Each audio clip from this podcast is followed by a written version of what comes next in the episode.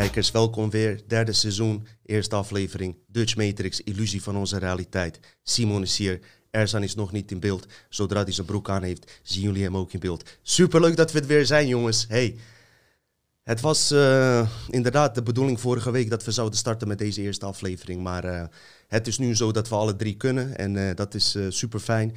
Super fijn om te zien ook in mijn, toen ik op vakantie was, had ik wat meer tijd om ook naar de reacties te kijken of als ik ergens uh, anders ben, uh, hoe jullie voor mij uh, opkomen. Hey, super bedankt, zolang het normaal gebeurt. Hey, hey echt respect daarvoor. Niet dat we zoveel haters hebben, je kan ze op twee middelvingers stellen, daar niet van. Maar weet je, sowieso leuk dat jullie ook echt achter ons staan en dat er gewoon mensen zaten te wachten. ik weet niet hoeveel het er waren, ik hoorde van Ersan dat we echt weer gingen starten en uh, beginnen met, uh, met het nieuwe seizoen.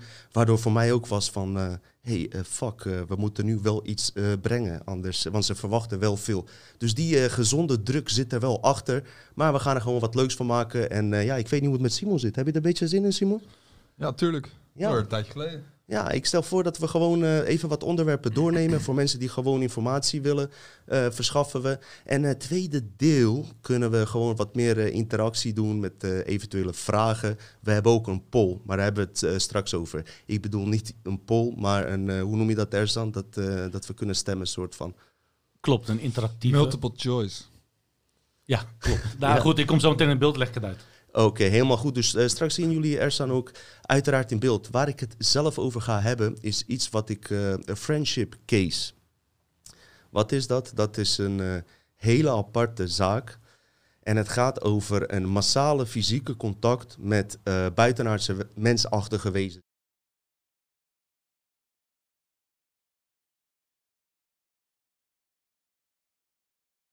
Heet hij. Straks uh, uh, leest u uiteraard zijn uh, echte naam.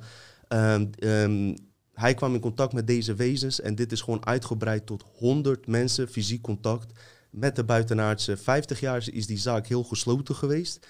Zes, zeven jaar geleden, toen YouTube echt alles, toen, je, toen je daar echt alles kon zien, heb ik hem gezien. Misschien was ik knetterstoned. Ik weet echt niet meer hoe die ging, maar hij had een goede indruk uh, bij me achtergelaten. Hij stond op de lijst om behandeld te worden. Vervolgens die zie ik David Wilcock, uh, dat hij het ook daarover had. Ik dacht, hey, die wilde ik nog graag met jullie behandelen. Waarom?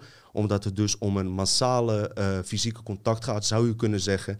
En het grappige hiervan is, of het ja, mysterieuze hiervan is, dat het uh, om mensen gaat van alle lagen van bevolking. Zowel arbeiders, maar er zitten ook wetenschappers tussen, die, dus die die contact hebben gehad. Uh, psychologen, schrijvers, journalisten, noem maar op. En uh, dat maakt het toch kredietwaardig, ook al zijn we allebei gelijkwaardig. En ehm, ik hoop jullie daarmee even weer wat nieuws te brengen. En, ja, ik, en daarna ga ik het hebben over giant skulls.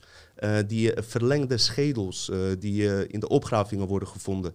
Van uh, is het nou zo dat dat uh, tradities zijn met het inbinden van babyhoofden?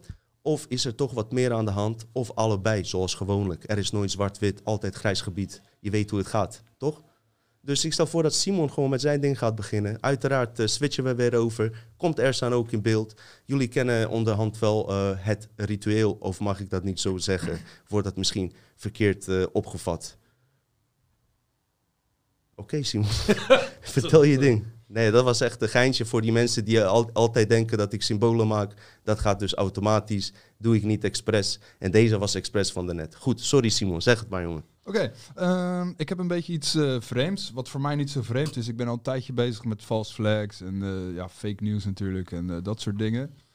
Ehm, eerst moet ik zeggen, je hebt een website, I2K Defense, Aircraft, Decoys, Targets, uh, dat is een website waar mensen, militairen, dat is van veteranen, die hebben opblaas, uh, tanks, voertuigen, vliegtuigen, noem maar op, hebben ze. Je hebt op die website van I2K Defense heb je een gallery. Dan zie je een beetje plaatjes van allemaal dingen. In de Tweede Wereldoorlog zijn er ook uh, ja, opblaasdingen gebruikt. Dat als een vliegtuig daar overheen vliegt, die maakt een luchtfoto. Die ziet daar een heel militair arsenaal. Maar het zijn opblaasdingen. Uh, waarom vertel ik dit? Waarom kom ik hierop? Uh, iedereen heeft denk ik het filmpje gezien van het Afghaanse vliegtuig, waar twee mensen naar beneden gestort zouden zijn. Dat vliegtuig, uh, als je dat vliegtuig, ik heb nu geen foto's bij me, het is ook live. Eh, die moet ik misschien een keer laten zien. Je hebt een, eh, dat, dat vliegtuig waar die Afghanen op zitten. Als je de echte versie van dat vliegtuig naast dat vliegtuig houdt, dan zie je sowieso meteen. Dat is geen vliegtuig. Dat is een opblaasvliegtuig met kunststofpanelen. De, de cockpitramen, die zwarte vierkantjes, die zijn erop geschilderd. Er is wel een leuk ruitenwissertje opgemaakt.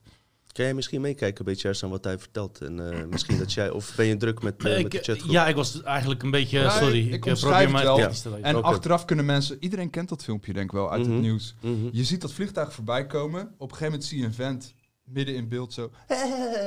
Dat, dat vond ik al een reden om uit te zoeken of dit wel echt is. Eh, die mensen zitten allemaal op, die, eh, op het voorwiel en op de zijkant. Dat vliegtuig. En dan wordt er geknipt. En dan zie je ineens dat vliegtuig in de lucht. En dan zie je twee stipjes uit dat vliegtuig komen. Eén van die twee stipjes, die verdwijnt midden in de lucht. Dat zie je gewoon. Ehm, die tweede stip verdwijnt. Op de zijkant van het vliegtuig zie je 1109. Dat is een verwijzing naar 11 september. Want 11 september, naar aanleiding van 11 september, zijn de Amerikanen naar Afghanistan gegaan. Omdat Al-Qaeda vanuit daar die aanslag gedaan zou hebben. Nou, de meeste mensen weten wel dat eh, dat, dat hele Al-Qaeda World Trade Center verhaal, daar, dat, dat is helemaal niet hoe dat eh, uitgelegd is.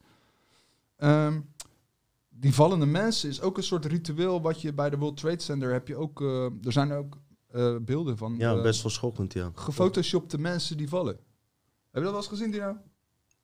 Nee, die niet. Ik dacht eerlijk eh, gezegd dat ze wel echt waren hoor. Die mensen die vielen, die ik had gezien. Maar misschien dat er ook anderen tussen zaten. Dat is niet per se waar ik het nu over heb, maar daar Nee, wilde ik naar maar verwijzen. misschien zijn we verleid, hè? Techniek is zo Ja. ver. Dus ja, wat is echt, hè? Daar gaat deze Ehm, podcast ook juist over. Ja. Die, wat, wat ik denk, die Afghanen hebben niet zoveel geld. Het is makkelijk om te zeggen van tegen honderden mensen. Of misschien zijn ze er wel achter ingeëdit mensen die dan op zo'n vliegveld lopen. Ehm, dat opblaasvliegtuig, dat is net als een, eh, als je een optocht hebt. Een soort springkussenmateriaal, die zet je op een kar. En dan, dan, dan rijdt dat voertuig. Daarom zitten die mensen zitten op die wielen, zodat je niet ziet dat er een voertuig onder zit. Er zit er één man, die zit met zijn eh, telefoon lekker te sms'en zo, terwijl dat vliegtuig zogenaamd opstijgt. denk je, oh, ik ga lekker op vakantie. Ze hebben ook een beetje een vrolijk sfeertje, eh, lijkt het bijna wel. Andere mensen rennen naast het vliegtuig. Ehm, dat vliegtuig is gewoon een, ja, een opblaasvliegtuig. En als ik het nu zeg, dan denk ik misschien, ah, komt Simon weer met iets raars. Maar als je die beelden ziet en je kijkt goed en je, je weet hoe dat vliegtuig er in het echt uitziet, dan ga je wel denken van, hey, di- dit is het gewoon niet. Oh ja, dat kan ik wel zeggen. E- eh, 153 News heeft, eh, dat is een website, een soort YouTube voor complotmensen. Daar kan je wel beelden vinden van ook inderdaad mensen die dat ook beweren. En ik ben er echt 100% van overtuigd. Dat is een opblaasvliegtuig met kunststofpanelen. Eh, waar je het ook aan zou kunnen... Ik heb een keer een instructievideo gezien hoe sterk zo'n vliegtuigmotor is. Daar hebben ze een pick-up truck. Die, die trekken ze aan een touw voor de vliegtuigmotor langs. Die pick-up truck, truck die wordt opgetild. Die rolt over het vliegveld zo de, de plomp in ernaast. Omdat die vliegtuigmotor zo sterk is, die blaast gewoon die pick-up truck weg. Maar in dat filmpje zie je allemaal mensen zo eh, daar lopen zo. Die zouden of gewoon heel hard weggeblazen worden.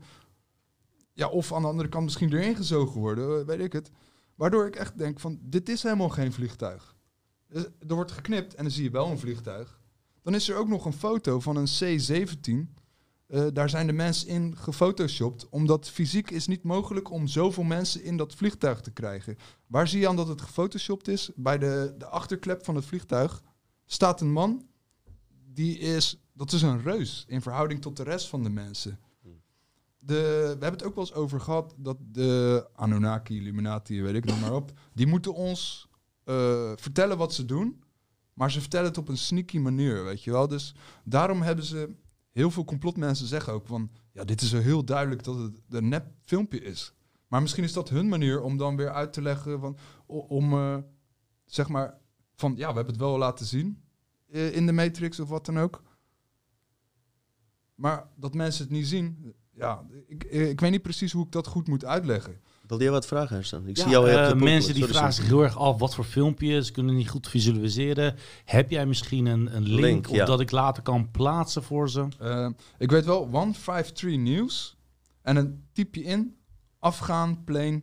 En dan kan je hoax erachter zetten. Maar als je alleen Afghaan intypt bij de zoekresult, de zoekbalkje, dan, dan krijg je hem volgens mij al. Hmm, Nou zijn we helft van de vind, kijkers ehm, kwijt meteen. Die gaan daar geografie. 11, 1109 op de zijkant van zo'n vliegtuig zetten.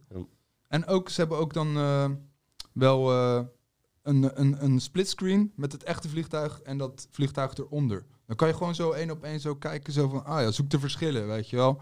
En ja, natuurlijk in New York of grote steden heb je altijd van die grote optochten, weet je wel. Het is niet iets wat, wat, wat eh, niet te doen is of zo, weet je wel. Het is eigenlijk Mhm. best wel makkelijk te doen. Plus een mens die kijkt het journaal, dat filmpje is misschien een halve minuut of zo. Dus dat komt voorbij en je bent gechoqueerd dat iemand uit een vliegtuig stort. Je denkt, wie gaat er nou op een vliegtuigmotor zitten? Of eh, op een eh, landingsgestel? Ten eerste, ja, hoe, hoe dom ben je dan als je op een vliegtuig gaat zitten en denkt dat je dat overleeft? Weet je? Mhm. Er is wel een theorie dat mensen zeggen, ja, maar ze zijn zo bang voor de Taliban dat ze zelfs de dood riskeren om op zo'n vliegtuig te hangen. Ja, oké. Maar deze beelden ben ik echt van overtuigd, die zijn echt heel nep. En de Europa, ja, dus misschien weer, dan ga je neig je naar het racisme, maar Europa wordt helemaal volgeduid. Alles, alle blanke landen worden helemaal volgepropt, weet je wel. Wij waren echt net op tijd, Hersen en ik, serieus. Ja, Ja. Dit, dit is gewoon een manier om, om, mensen het gevoel te geven dat we inderdaad eh, eh, 400.000 mensen of zo aan moeten nemen. In Engeland eh, worden er eh, 300.000 mensen per jaar toegevoegd. Ja. Dat levert ook wel eens eh, problemen op die nooit op het nieuws komen, weet je wel. Dat, eh, ja, daarom vond ik het toch belangrijk om even te zeggen dat dat vliegtuig is gewoon nep. Ja, ma- mag ik misschien er wat aan toevoegen? Kunnen we de kijker ook meteen hierbij eh, betrekken bij je verhaal? Hey, mooi verteld trouwens. Ik heb het niet gezien. Ik bal alleen dat ik die beelden niet zie. Ik denk dat de kijkers dat Ja, ook hebben. had ik Eh, zullen we zo doen om eh, eh, de, de, de kijkers erbij te betrekken, is om die beelden te analyseren. Er zijn heel veel mensen die ook eh, verstand hebben van eh, computers en eh, ICT en eh, bewerkings, hoe, dat hoe dat allemaal gaat. En misschien kunnen jullie in de comments laten zien wat jullie, jullie er zelf van vinden, omdat wij het niet hebben gezien. Is dat een idee, Ersan? Zeker. Eh, Dus eh, zoek die beelden op en misschien, eh, hoe heet het, kan je je commentaar daarop geven. Eh, even kijken wat jullie er ook zelf van vinden. Is dat misschien Op een gegeven moment zie je dat vliegtuig, zie je die twee stipjes, die vallen dan. Eén stipje verdwijnt in midden in de lucht. Ja, hij heeft Ja, hem. op de Dutch Matrix Telegram groep worden precies de informatie gedeeld. eh waar Oh, jij- kan je hem op. Facebook ook delen Ja. en Instagram? Of dat kom je daar niet kan bij? ik nu even niet bij. Dat Ik heb ook meegemaakt dat ik aan mensen dit liet zien en dat mensen zeiden: Hè, waar moet ik naar kijken dan? Waar heb je het over? Ik weet niet. Ja, misschien zien sommige mensen het niet. Ik, zie ben benieuwd wat jullie wel. ervan Ik vinden. Hebben we een grotere groep met een, eh, eh, met- de mening erbij. Dus eh, misschien Ja. is dat wel een goeie om jullie meteen even lekker bij te Eh, ik betrekken. weet wel, op eh 153 News heb je één iemand die dat kanaal heet Jeffersonian Girl. Die heeft ook vaak van die compilaties. gewoon filmpjes zonder stem erover, maar met tekst in beeld, weet je wel. Dus je kan het desnoods zonder geluid kijken, dat je ons laat doorpraten. ja, kijk er zelf naar. Maar het is geen onbekend fenomeen dat eh, opblaasvoertuigen worden gebruikt voor eh, misleiding. Oké. Dat, ja, dat is wat ik vind van die hele Afghaanse vliegtuig. Kijk, het is ook vreemd dat eh, in, in, na de 9-11 zijn ze dus allemaal naar Afghanistan gegaan. Hebben ze allemaal dingen gedaan om de bevolking weer een beetje op gang te krijgen en weet ik veel allemaal. Er zijn er allemaal wapens achtergelaten, eh, waar nu van wordt gezegd van... eh, ja, al die helikopters daar, die daar staan, die hebben we onklaar gemaakt. Vervolgens zie ik een filmpje dat een, eh, een Taliban in die helikopter gewoon rondjes vliegt... en dat die mensen beneden staan te juichen. Ja, hij doet het. En wie hebben daar baat bij dan, als je volgende vra- vraag stelt, zeg maar? Ik heb een keer een verhaal gehoord dat het een soort witwaspraktijk is geweest. Door al die militaire dingen daarheen te brengen. Terwijl ze Ja. eigenlijk gewoon geld eh, witwassen. En eh, ik, ik denk dat de wapenindustrie er baat bij heeft dat er gewoon toestellen verdwijnen. Ja. Want ze moeten toch echt aangevuld worden. Maar wat ik, nu wil ik echt specifiek zeggen dat dat, spe- eh, dat, eh, dat vliegtuig, dat Amerikaanse. ja, volgens mij was het ook een C-17. Ik, ben even, ik heb de naam van het de type vliegtuig heb ik niet ja, dat had ik wel van je verwacht, Simon. maar Helaas. Weet je, ja, nou, het was een beetje kortaf. ik heb de, het is een nepvliegtuig. Maar dat wordt wel op de NOS of op andere landen hun eh, versie van NOS. Wordt het overal wereldwijd laten zien? Wat zeggen de Afghanen zelf eigenlijk? eh? Ik heb geen Afghanen gesproken. Ik ken, Is er niet een keer een mogelijkheid dat we gewoon hun nieuws eens een keer eh, gewoon, eh, analyseren? Misschien wel een idee voor volgende keer, Ersan. Ja. Wat, wat zenden zij in hun land uit en wat zendt de Taliban uit? Weet je wel? Hebben zij een nieuwszender? Of zo? Eh, nou, er zijn verschillende Arabische nieuwszenders. En die Arabische nieuwszenders hebben twee soorten nieuws. Eentje in, eh, in binnenlands en eentje buitenlands. Al Jazeera, En toch? Of Al? Jazeera die, toont overal. één beelden intern en- en de andere beelden extern. Ehm, en net vroeg ook iemand van jullie nemen alles kwakkeloos aan wat in deze Dutchmetrics groep wordt gezegd. En in de podcast, maar daar kom, ik, niet. daar kom ik later op terug. Want wij zijn Nee. hier niet voor... Daarom vroeg ik ook net, wat hij net zei, hoor ik nu dus nu Nou, ook voor het eerst. klakloos aangenomen. Ik heb dat wel Nee, echt nee. eh, duidelijk gezien hoor. Ja, ik weet, ik weet van jou, Simon, dat, dat je dat niet zomaar gaat eh, zeggen. Maar ook, dus daarom zei ik, goed, nee, maar goed dat die persoon dat ook zegt, hè, trouwens. Je kan niet... Da- daarom vroeg ik ook van, joh, check het zelf ook. En ik ben benieuwd naar jullie mening ook. Dat we van meer mensen horen. Dat lijkt Ja. mij toch eerlijk. Dus, eh, maar goede vraag trouwens hoor. Blijf wel Ja. kritisch, weet je. Je Blijf niet- altijd kritisch. Ga niet in alles mee. Gewoon klaar. Je kan Ja, niet dat- naast een vliegtuig lopen als die gaat opstijgen. Dat kan niet. Nou, dan, dan moeten ze waarschijnlijk die beelden nog zien, weet je, om, eh, om, dat te analyseren. Maar, hey, maar waarom goed. loopt iemand zo, ah, zo te lachen? Oh ja, die, die stipjes, die, die vallen zo. En één stipje die verdwijnt midden in de lucht. Maar er staat ook een man, die staat zo, haha, staat hij zo te lachen. Zo. Dan zou je Ja, echt weet dat je- video eh, doorheen ik, moeten ik aan de ene Ja. kant, sorry dat wat ik, sorry ding? dat Ja, ik zeg maar. achter de camera terug Nee hoor, zeg maar. Zeg ik maar. vind het best wel onrespectvol voor mensen die echt ehm, hun best doen om uit een land te vluchten. Hetzelfde als in een gebouw, als er een gebouw in de fik staat. Er kiezen mensen voor om uit het gebouw te springen omdat het vuur zo pijnlijk is. En dit is Ja. een beetje een soort van scenario. En Ja. Ik kijk, ik heb er gewoon een andere mening over, een andere blik. Bedoel je van die mensen die geïmport- eh, zeg maar naar Nederland, Nederland Eh, nee, nee, die mensen die proberen te ontvluchten daar, die te hebben zoveel Ja. pijn Ja, dat en angst. Tuurlijk, ja. tuurlijk, en die maar- vallen van die vliegtuigen en denk bij mezelf, kut. Ja, en Maar dat, dat misschien zijn er meerdere waarheden. Misschien is er wel een echte versie. Ja, precies, je weet het niet. daarom Je weet het wij niet. Ik ben En- gewoon 100% van overtuigd dat het filmpje gewoon Precies. helemaal nep En- is. En ja. dat er dan echte vluchtelingen zijn die echt willen vluchten. Ja. Oké, kan. En ik heb al Maar- eerder, ja. Daaromheen zijn ook landen. Daar kunnen ze toch ook heen? En ik heb al eerder gezegd, eh, wij hebben alle drie onderling ook eh, verschillende visies. Ik heb dit sowieso niet onderzocht, dus ik zeg niet dat Simon eh, onwaarheid of waarheid vertelt. Hij vertelt gewoon zijn ding. En het is, ik hoor het nu ook voor het eerst en jullie horen het. Als je het zelf niet hebt onderzocht, is het lastig om te oordelen. Daarom heb ik er geen mening bij nu op dit moment. Het is ook normaal gesproken, meeste, ja, ik kijk niet eens meer het nieuws, weet je. Maar dit filmpje was zo echt best wel opgedrongen. Misschien daarom ook. Mhm, mhm. Oké. Ja, ik vind het ook vreemd dat er dan 20 jaar zitten ze daar. En in één keer komt Joe Biden en die zegt, ja, we gaan terug. En het is helemaal overhoop. Alles is chaos. Ze zouden daar nooit moeten komen, maar ja, Ja. Dat, is, eh, dat is een verhaal eh, apart. Ja. Dat is een never-ending story. Hè? Ja. Dus eh, is dat jouw deel die je wilde doen? Dat, dat was het vliegtuig. Van Afghanistan naar Italië. Hey, lekkere, vrolijke zomer, Italië. Wie is in Italië? Op zekers, complotdenkers gaan naar Gardameer. Zo- Zo'n idee heb ik. Hoeveel mensen zijn naar Gardameer geweest? Ik heb het idee dat daar heel veel complotdenkers heen gaan. Waarom, weet ik niet. Hey, waar eh, mijn deel over gaat, over gaat, waar ik het graag over wil hebben... wat heel goed gedocumenteerd is, is de friendship case. Wat is de friendship case? Dus ik ga het gewoon heel rustig vertellen. Eh, wat deze zaak sterk maakt, voordat ik aan dit verhaal eh, begin, is dat er ehm 100 mensen eh, getuigen zijn geweest van fysiek contact met eh, mensachtige buitenaardse wezens. En die contacten hebben tientallen jaren, eh, ja, tientallen jaren geduurd. En eh, mensen die die contact hadden, waren van verschillende delen van de bevolking, arbeiders, maar ook filosofen, psychiaters, wetenschappers, noem maar op. 50 jaar op een of andere manier is dit echt verborgen gehouden en er werd er nooit wat over verteld. Tot in 2000, ja, later in de jaren, ik dacht 2007 of 9 of misschien iets eerder, kwam er een man, eh, Bruno Samarchichia, die besloot net voor zijn dood eh, hierover eens te gaan praten. Ik neem even een slokje. Sorry. Het is dus heel waardevol omdat die honderd verschillende mensen ehm, identieke verhalen vertelden. Niet allemaal zijn ze naar buiten gekomen, maar ehm, wat daarbij ook dus is gekomen is dat, ehm, dat ze ook soort van foto's hadden en eh, videomateriaal uit de jaren 70. En die videomateriaal dus, die zij eh, hadden gemaakt van eh, UFO, UFO-schepen. Er werd gewoon tegen ze verteld, we gaan straks daar en daar verschijnen. Maak een foto, ze maakten foto, video's.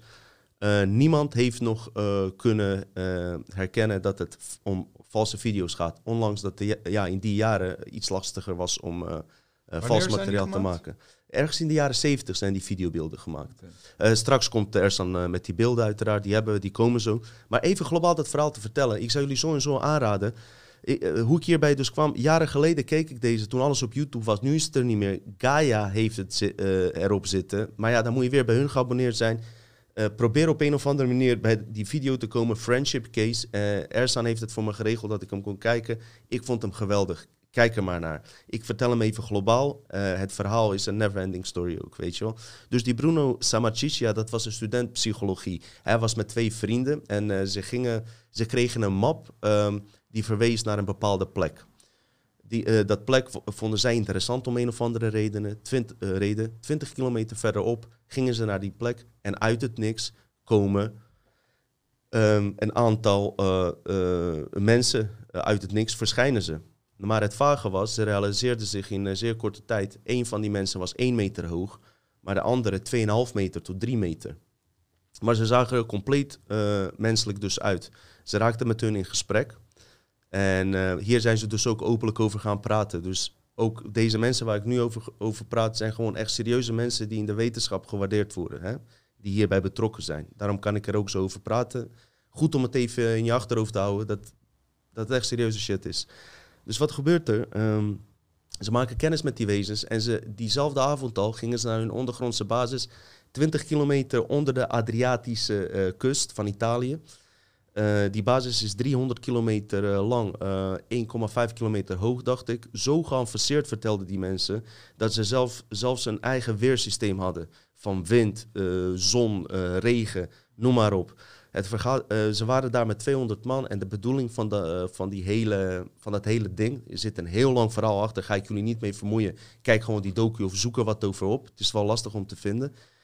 Is dat ze eh, eigenlijk afhankelijk zijn van de mensen aan ene deel. ehm, omdat zij leven van Ureda. En Ureda is positieve menselijke energie. Dus als wij als mensen goed met elkaar omgaan en wij zijn op een ander galactisch level met hun geconnecteerd, dan ehm, gaat het ook goed met hun. Ook in de vorm dat ze bijvoorbeeld eh, aandrijving hebben voor hun eh, eh, schepen en energie die zo geconnecteerd zijn we aan elkaar. Nou hadden ze gemerkt, dan hoor je dat standaard verhaal weer van die nucleaire bommen en zo, maar dat leg ik straks uit. Ze zijn bezorgd omdat we veel egocentrischer zijn geworden, omdat we niet materialisme naar voren constant aan het halen zijn. Ehm, gaat hun kracht ook achteruit. En ze komen hier oorspronkelijk niet vandaan. Ze zijn hier beland. Ze hebben galactische oorlogen gevoerd. Ze hebben tegen die mensen gezegd, net wat wij ook eigenlijk in deze podcast ook vertellen, dat er ehm, boven de spiritwereld die op aarde wordt verteld, eh, dat daar boven eigenlijk nog eh, gewoon oorlogen eh, plaatsvinden. Tussen, laten we zeggen, good en bad guys, al is dat een heel slecht voorbeeld. Maar wat zij vertelden is dat zij gewoon oorlog voerden met eh, wezens die eh, eh, onder draconisch bewind stonden, onder artificiële ras. En ze hadden de naam, zij zelf heette Akri. En die artificiële groep heette voor RTF, sorry, RTF. Lijkt echt een Star Wars film wat ik nu vertel. Maar onthoud erbij dat hier echt serieuze mensen over naar voren zijn gegaan en over zijn gaan praten. Wat zij vertelde is dat die artificiële ras, en ik hoop dat je nu linken kan leggen met dingen waar wij het over hebben, althans waar ik het over heb, en mensen die er komen, en Simon en Ersan ook, ehm, is dat die artificiële ras zich ehm, juist voedt met die draconische energie. En op het moment dat het hier eh, steeds meer oorlog wordt en, eh, en eh, hebzucht en egoïsme, gaat hun kracht omhoog. Van die tegenstanders die hier nog wel op aarde zijn. Want zij vertelden, ze hebben oorlogen gevoerd. En trouwens, wat ik er ook meteen bij zet, ik heb hier dus ook geen mening over, hè? of dit echt de good guys waren of niet. Ik vertel alleen wat ik, wat, ik interessant vind aan deze zaak. Dus ik, ik ben er ook nog steeds open in, of hier geen andere agenda achter zit of niet. Wil ik er even bij vermelden. Dus ik weet hier ook niet vanaf. Maar wat ze dus ook vertelden, dat dat dus ook eh, effect op hun had. En dat we eh, moeten realiseren dat de spiritwereld, dit is een hele belangrijke, ehm, met oorzaak en gevolg en karma eigenlijk niet bestaan en totaal eh, los uit een v- eh, verband zijn eh, getrokken. En ehm, de lessen die zij kregen, omschreven die wetenschappers, die gingen nog boven de standaard kwantumfysica uit. Zo ingewikkeld was het. En boven boeddhisme en de Tibetaanse high levels van spiritualiteit. Het ging daarboven. De, eh, die groepen mensen die contact dus hadden met die buitenaardse wezens. Die tientallen jaren hadden ze contacten, afspraken ehm, en ehm, hebben ze met elkaar gecommuniceerd. Als je vragen hebt tussendoor, Simon, eh, inderdaad, stel ze gewoon tussendoor gerust. Ehm, vervolgens, eh, die Bruno eh, kreeg een apparaat genaamd, ik kan het nu niet vinden, ik doe alles uit mijn hoofd, ik heb heel veel hier staan. Een bepaald apparaat kreeg hij achter zijn hoofd waar zij telepathisch met hem contact konden leggen.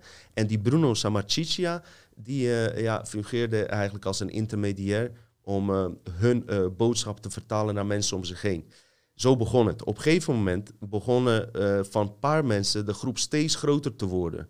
Met heel veel mensen die, die, die, die echt gewoon, waarvan je nooit zou verwachten dat ze met deze onderwerp bezig kwamen. bezig zouden houden. Ehm, die wezens attendeerden ze dus daarop dat, dat dit hele systeem van denken en spirituele systeem, en ook over hartfrequentie hoorde ik dingen en noem maar op, dat dat gewoon ehm, eh, bij de mensheid gebracht moest worden. En dat ze ook eh, die, eh, moeten beseffen dat er gewoon negatieve entiteiten ook aanwezig zijn en dat er gewoon oorlogen worden gevoerd. Overal hebben ze, naar hun zeggen, zeg maar hun slag verslagen. En dit klinkt misschien heel erg Star Wars-achtig. Ik, ik vertel het gewoon, wat hun zeggen. Op aarde moet het eh, spel nog worden uitgespeeld en daar zijn menselijke wezens volledig bij eh, betrokken. En het draait om ons hoe wij ons eh, gedragen. Nou, de groep werd uitgebreid. Ze hebben zelfs een ambassade opgericht. Ze hebben een villa geregeld en er zaten heel veel mensen in met geld. Ze hebben een villa geregeld. dat diende als ambassade, want eerst kwamen ze bij die Bruno thuis. Die nodigde mensen uit. Vervolgens ging die via radiosignalen tussen twee zenders in. Ehm, ging die stoppen, konden zij inloggen via die radiozender. En in dat filmpje van eh, Gaia zie je, hoor je ook die stemmen die door die radiozenders komen. Die kan ik helaas niet doorheen plakken, omdat Gaia hem zelf niet eens op YouTube heeft staan. Kan ik misschien gezeik mee krijgen. Maar dat zou ik eens even opzoeken. En dus steeds meer mensen in aanzien, journalisten, noem maar op. Het stond in de krant in Italië. Eh, ja, werd er toch echt over gepraat dat het gebeurde. Die, die verhalen gingen ook heel goed samen. Dit heeft jaren geduurd. Eh, toen die ambassade op een gegeven moment eh, opgericht werd, ehm, begonnen mensen onderling eh, problemen met elkaar en irritaties te krijgen. En sommige mensen werden eh, ze, hebzuchtig, hun ego ging op de voorgrond staan door de kennis die ze kregen. Maar als dat gebeurt, vertellen zij, en tegelijkertijd op aarde werd materialisme steeds meer ook van belang, neemt hun kracht af. Waardoor die andere ras, RT4, eh, nee, RTF, sorry, ehm, steeds krachtiger werd. En hun op een gegeven moment verslagen had in 1978. En dat kan je herleiden aan beelden. Rond die tijd zijn er heel veel eh, ehm, UFO-schepen in de lucht te zien eh, geweest in, eh, in Italië. Dus het is een gigantisch lang verhaal, weet je. Ik eh, vertel hem globaal, maar... ehm, conclusie van dit alles is dat ze ook vertellen eh, dat dat linkt weer aan eh, waar jij het over had in de vorige of eh, voorgaande af, aflevering. Maar Ja. dat je zegt, ze waren 1 meter en die anderen waren 2,5 meter. Mhm. Dat is ook bij die Grey Aliens zo. Klopt. En die waren bezig met hybrids, met mensen. Dus dat hun op mensen lijken, dat, ja, dat lijkt wel daarop wat jij vertelt. Klopt. Alleen, eh, hoe ik het nu heb begrepen, is dat dit wel de oorspronkelijke echte familieleden van ons zijn en geen ehm hybrid. Sterker nog, je zit Familieleden? Uh, oorspronkelijke, soort. zelf, zelfde soort, ja, oorspronkelijke eh, soort. Laten we het dus zo zeggen. geen hybrids, dus ze waren echt Nee. En jij zit hier hybrid staan, omdat Oh, zij nee, dat, dat- Ja, nee, je staat hier. Zij vertelde aan, eh, aan mensen ja, al in de jaren 60 over UFO-ontvoeringen en hybride programma's. Dus die mensen in de jaren 60 wisten hier al vanaf over datgene waar jij het zeg maar. eh, Ja, dat boek van... ja, shit, hoe heet die? Ja, en zij attendeerden mensen erop dat ze niet in moeten trappen in, eh, in, die, in die verhalen van. eh, hoe noem je dat? Eh, dat die ontvoeringen goed aardig zijn en dat, dat we echt goed bij onszelf moeten nadenken. Ze vertellen ook dat we een soort van, niet echt een pact, maar dat we een soort van verband met elkaar hebben, geconnecteerd aan elkaar zijn. En dat we vooral ons moeten bezighouden met liefde. Ja, misschien zweverig, maar gewoon meer liefde, meer respect en, en meer tijd voor elkaar te nemen. En, eh, en eh, die techniek is op zich niet erg, maar die Dat neemt wel de overhand. advies. Ja, het is. eh, Maar kijk, dit is dus, eh, daar kunnen we meteen overschakelen. Globale informatie die dus een beetje naar buiten is gegaan. Maar wat er toen gebeurde in 2009, en nu sla ik heel veel dingen over, maar dat is misschien goed ook. Ehm, weet je wat we eerst gaan doen? Ersa, misschien kan jij even die bewijsstukken laten zien van, eh, van wat zij... Ik heb een videootje gemaakt van een ufo. Of laat eerst die eh, Gasper de Lama, daar beginnen we eerst mee. Gasper de Lama. Ja, Gasper- Uno momento per favor. Nou, Het kan zo zijn dat het geluid weer uitvalt. Dit hebben we twintig keer getest, mensen. Oké. Maar ik laat even een foto van En eh, laat in de comments horen of je mijn stem er doorheen hoort. Zo niet, dan halen we meteen even dat beeld weg. Waarom is die Gasper de Lama belangrijk? Dat is een man die ook weer hoog in aanzien was. En die kwam met die Bruno in contact, die ook in contact kwam met die buitenaardse wezens. wezens. Ook hij, ook hij en, zijn- vrouw en zijn moeder waren getuigen van eh, aanwezigheid van de buitenaardse als ze bij Bruno waren. Sterker nog, en dat moeten jullie zelf even navinden, eh, hij kreeg een radio mee, een radioapparaat. En, want hij hield zich ook met radiotechnologie bezig. Die moest hij bij zich houden. En op een gegeven moment had hij ook een camera. En eh, werd via die eh, apparaat, via die radioapparaat verteld... kom daar en daarheen. Het was ergens in 1969 eh, om, om bepaalde foto's te maken. En, en toen had hij dus ook fotomateriaal van die ufo's. En ook deze man is naar buiten getreden, praat erover. En zijn vrouw. Ze zijn 70, 80, leven in, in een villa aan een meer. Dus je kan je afvragen, waarom zouden die mensen dit allemaal zo verzinnen?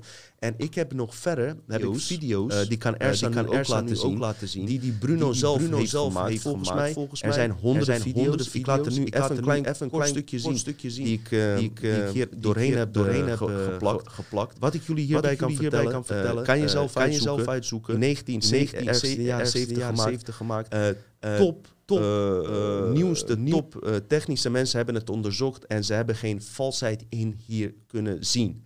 En eh, dat maakt het verhaal gewoon nog steeds sterker. En sterker. Dus ehm, ik heb heel veel eh, materiaal nog, maar eigenlijk eh, moet je het gewoon zelf eens even gaan kijken. Ja. En eh, Simon heeft eh, misschien nog een vraag. Zeg het maar, Het Simon. is dus sinds jaren 60, 70 dat dat eh, begonnen is? 1956 is het begonnen. 56, oké. Ja. En in al die tijd hebben een groep Italiaanse mensen contact gehad met die...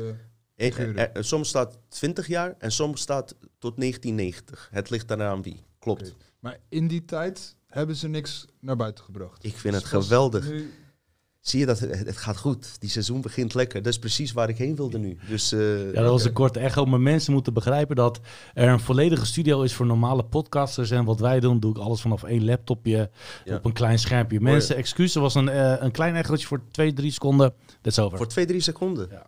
Gelukkig is het twee, drie seconden. Zie je, het, weet je, het, het had ook langer eh, kunnen duren. Dus wat is nou twee, drie seconden? Dat is precies die tijd dat ik dat net zeg. Wat is nou twee, drie seconden? Nu is het alweer vijf seconden. Maar waar waren we dan?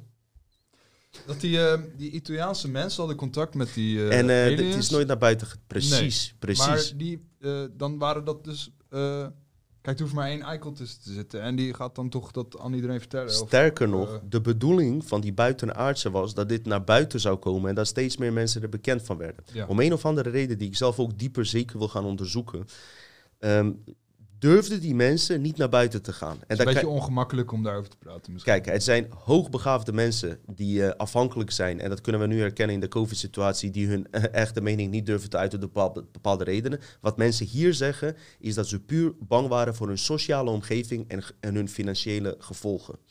Die Bruno Barissia eh, besloot met een vriend van hem hierover te gaan. Want die vriend was een schrijver, ook hoog in aanzien. Eh, die, die schreef daarover net voor zijn dood. En toen Bruno daarover begon te praten, begonnen er mensen steeds meer naar buiten te komen. Dus ik weet niet of ze ernstig met, eh, eh, bedreigd zijn door Men in Black-achtige types. Weet ik niet. Ik heb er niet genoeg onderzoek op gedaan. Ik kan je wel zeggen, mensen, ik heb twee, drie dagen hierop lopen graven. Het is echt interessant. Die, die basis van 5 kilometer of zo, zei je? Wat was nou 300 kilometer en 300. anderhalf kilometer hoogte? Het is onwijs groot. Dat ze is hebben in zelfs Italië, eh, bij Adriatische Zee. Ze hebben op elke continent onder de zee. Eh, onder de bergen. En ze hebben ook onderzeese basissen. Ze hebben in elke continent hebben ze een basis. En daar is ook beeld van. En in Europa is Italië. Daar, ik zou naar meer foto's moeten kijken. Ze hebben ook beelden zelfs daarvan, man, volgens mij. Of Doe, foto's. doet me weer denken aan die film They Live.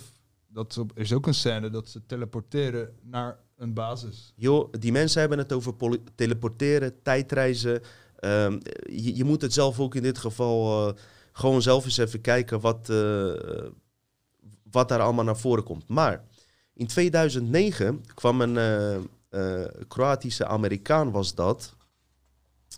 En ik ga hem eens heel even bijhalen. Ik doe hem gewoon weer uit mijn hoofd. Ehm, die man werd ineens benaderd. Ehm, dat is een journalist, gerespecteerde journalist. En hij werd door een anonieme gast benaderd. Hij zegt, ik wil het ergens met je over hebben. Eh, die gast zegt, ja, waar wil je het over hebben? Hij zegt, kan niet hier. Bam, bam, bam, bam. Kwam erop neer dat die man betrokken was bij die friendship case. Dus nu, nadat dit verhaal naar buiten was getreden... Bam, eh, komt die man. Hij zegt, ja, waarom ga je niet openbaren? Hij zegt, nee, dat is veel te gevaarlijk. Eh, maar ik kan je wel details vertellen, zodat jij kan nakijken of ik waarheid spreek. Want ik weet dingen die niet openbaar zijn gegaan. Zijn ze met een team van vijf, zes man dat gaan onderzoeken. En die man bleek echt de waarheid te vertellen, maar niet openbaar te willen gaan. Oké? Eh, die man vertelde nog veel en veel diepere dingen die steeds meer te maken hebben met eh, onderwerpen als kunstmatige intelligentie en eh, misleidingen in de matrix. En echt diepgaand level had hij het over. En hij, ging zelf zo ver dat hij zei... er worden technieken gebruikt bij die mensen die nu erover praten van die friendship case, dat het alsnog beter uitvalt voor de good guys, omdat ze programma's in hun herinneringen hebben geflasht, zeg maar. Zijn, hebben ze inbreuk opgedaan. Of als dus die mensen eh, vertellen naar hun eigen zeggen de waarheid. En soms zegt hij, vertellen ze zelfs de waarheid. Maar komt een programma van een vertaalslag op het moment dat jij die informatie in je opneemt, hoor jij iets anders dan diegene heeft verteld. En dat zijn hele subtiele kleine dingen. Het verhaal is bijna hetzelfde. Maar hij zegt, als jij niet zelf met die wezens in contact bent geweest, kan jij nooit als derde persoon dat verhaal vertellen. Daar kan je zelf niks aan doen. Ook al zou je het op dezelfde manier vertellen, je vertelt het niet met dezelfde trilling. En eh, ja, ik, ik vond dat ook eh, van eh, wow, weet je. Ehm, toen hij dat vertelde, moest ik aan bepaalde dingen denken waar ik zelf mee zelf heb onderzocht. Dat je af en toe ook met mensen zit en iets vertelt. Je bedoelt het niet slecht, maar die andere vat het wel slecht op, weet je. Misschien is het zoiets. Vroeger op de basisschool had je zo'n spelletje, dan zat je in een kring en dan vertelde je de persoon naast je een verhaal in zijn oor. En die Mhm. vertelde het verder, verder, verder. En dan bij de laatste persoon ging je dan luisteren en dat, dan was het iets totaal anders. Mhm. Wat deze mensen ook vertelden, eh, ze vroegen gewoon, "V- jullie komen van een andere planeet, maar zijn jullie wel mensen? Weet je wat ze toen tegen ze zeiden? Wij zijn meer mensen dan jullie. Daarom, hebben jullie. daarom is het voor ons een groot probleem om bij jullie te verschijnen. Omdat, omdat wij te veel van die mens, mens af zijn aan het gaan, zeg maar. Dus ze zijn eigenlijk meer mens dan ons. En in hun DNA zal waarschijnlijk ook menselijk DNA zitten. Net zoals dat ik meer Nederlander ben dan, dan Simon en dan jou. Ja, dat werd verteld, toch? maar dit is even ander op. Je hebt sowieso het duurste huis, dus eh, wat dat betreft... eh, En ja. een nieuwe fiets die mensen hebben gezien. Ja, ja, een zwarte fiets. Een zwarte. Niet Ja. gestolen. Pas goed bij je, nee. Ehm, wat ze ook vertelde dus, is dat er eh, wezens zijn geweest... Ik vertel dit omdat het ook linken is met, eh, met ons. Heel veel info. Dat er wezens zijn geweest die wel in die eh, kracht zaten, die goddelijke kracht. En eh, ook in hun werelden die misleid zijn. En uiteindelijk steeds meer richting materialisme en artificial intelligence onder hun dra draconisch, argontisch eh, bewind kwamen te staan. Uiteraard in hun woorden. Het is veel te veel materiaal, weet je. Maar of het uitzoeken waard is, zeker wel. Ik hoop dat ik het een beetje goed heb eh, verteld. En misschien eh, kom ik nog wel op iets nieuws, eh, mensen. Fri- Friendship case. Friendship case. Voordat Simon gaat, heb ik nog een idee voor een poll. Moet ik al weg? Nee, ik bedoel voordat Simon gaat praten. Oh. Ehm, ik wilde even tussendoor. Ik kwam erachter dat jullie ook wel eens polls houden. Dus van, dat we kunnen stemmen. Mijn vraag aan jullie is, aan Dutch Matrix publiek is... Stel je voor dat de situatie over een paar maanden hetzelfde wordt als voor COVID. Dus exact hetzelfde. Misschien zelfs een stukje beter, weet je? Misschien dat er gewoon zelfs nog iets beter wordt. Dus dan twee jaar geleden, hoe lang is het nou? Twee jaar. Dus stel je voor, de situatie is net als voor COVID. Stop jij dan met eh, jouw levensonderzoek? Dat is de vraag. Ersan gaat hem intypen. Je ja, kan hem... eh, eh, de peiling zal ik gaan starten als... Stel je voor, de situatie is hetzelfde als voor COVID. ja, en geen dan? spelfouten alsjeblieft. Nee, nee, nee. Laat maar zien hoe Nee, Nederlands nee, je nee, bent. maar stel je voor de situatie hetzelfde als COVID en dan? Eh, stel je voor eh, dat we eh, in dezelfde situatie leven als COVID, als voor COVID, als we eh, bij het oude normaal zijn. Zet erop. Ja. Als we bij oude normaal zijn, ben je dan tevreden met wat je hebt en stop je met je onderzoek? Dat is de vraag die ik jullie graag zou willen stellen. Ik denk ook dat het eerst een beetje beter wordt en dat het daarna keihard erger wordt. Zo'n beetje 223. Hoe zie jij het over drie maanden dan, eh, Simon? Wat verwacht jij? Over drie maanden. November. eh, November is goeie voor de avondklok. Dat zijn die avondklokmaanden.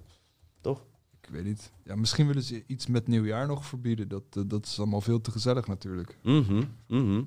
Ja. Ik heb Nou ja, we. Ik wachten het moeilijk af. altijd. Denk jij dat er een nieuwe golf komt en dat er weer een nieuw- nieuwe paniekaanval Er komt? blijven sowieso de hele tijd varianten komen. Kijk, in sommige landen... Kijk, wij zijn dan hier...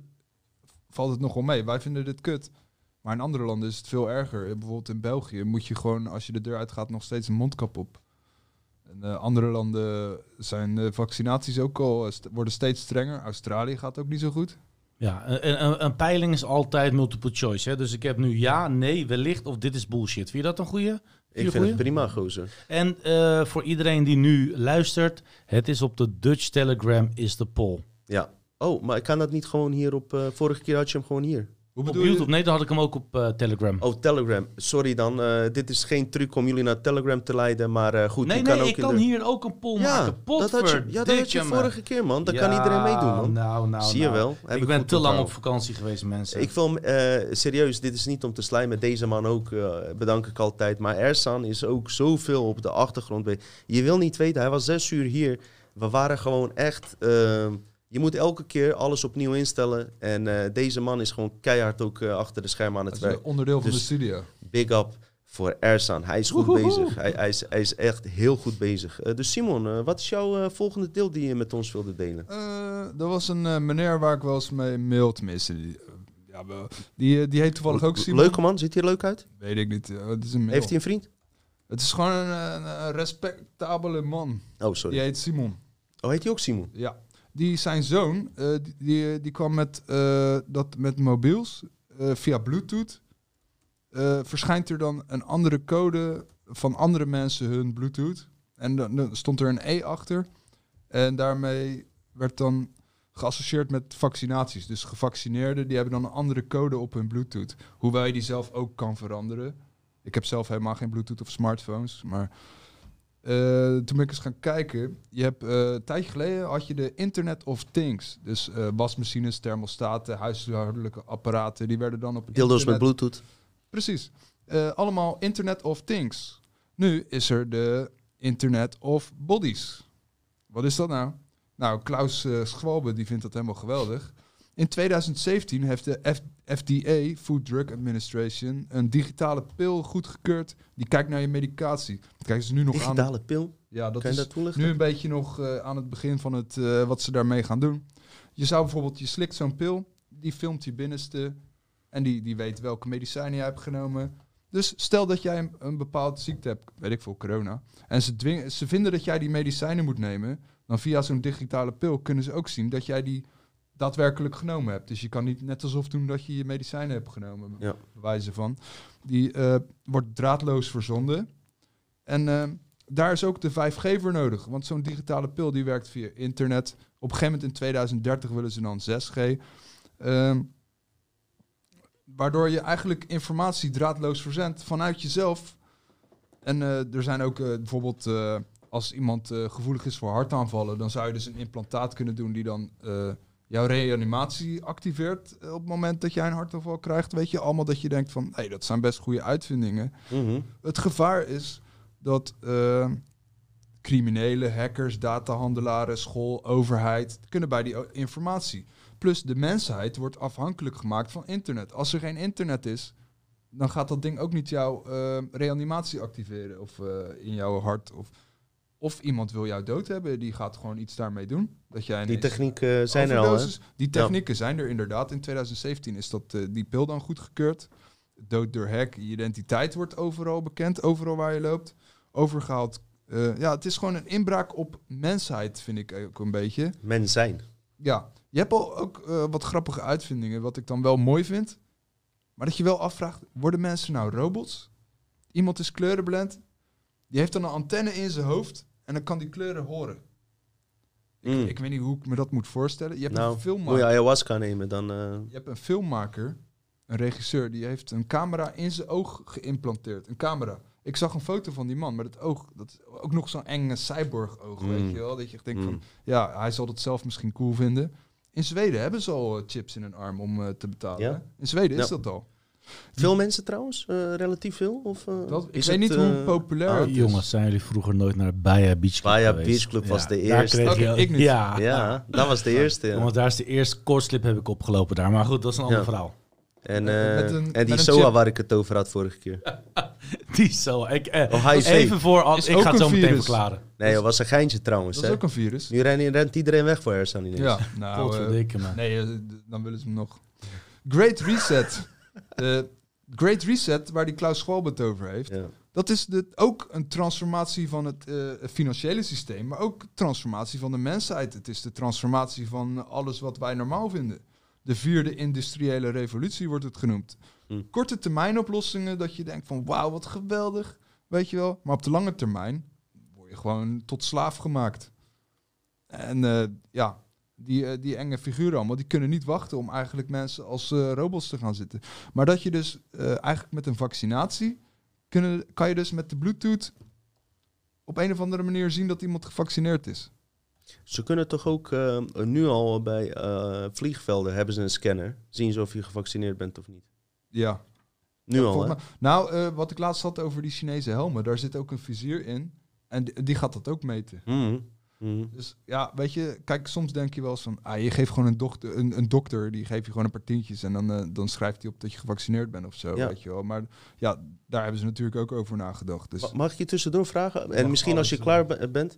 Ik zou Ja, misschien van, jou willen weten als je klaar bent hoe, hoe jij ook met deze informatie omgaat. Misschien vinden mensen dat interessant. hoe ik hiermee omga? Of, of je vertelt eerst die dingen hoor, wat je wilt. Nou, eh. dit was het wel een beetje, wat de Bluetooth... ik ben benieuwd eh, als jij dat hoort. Hoe, hoe als ga je ik dat hoor, dan denk ik, ja, maar ik wil die vaccinatie gewoon echt gewoon helemaal niet.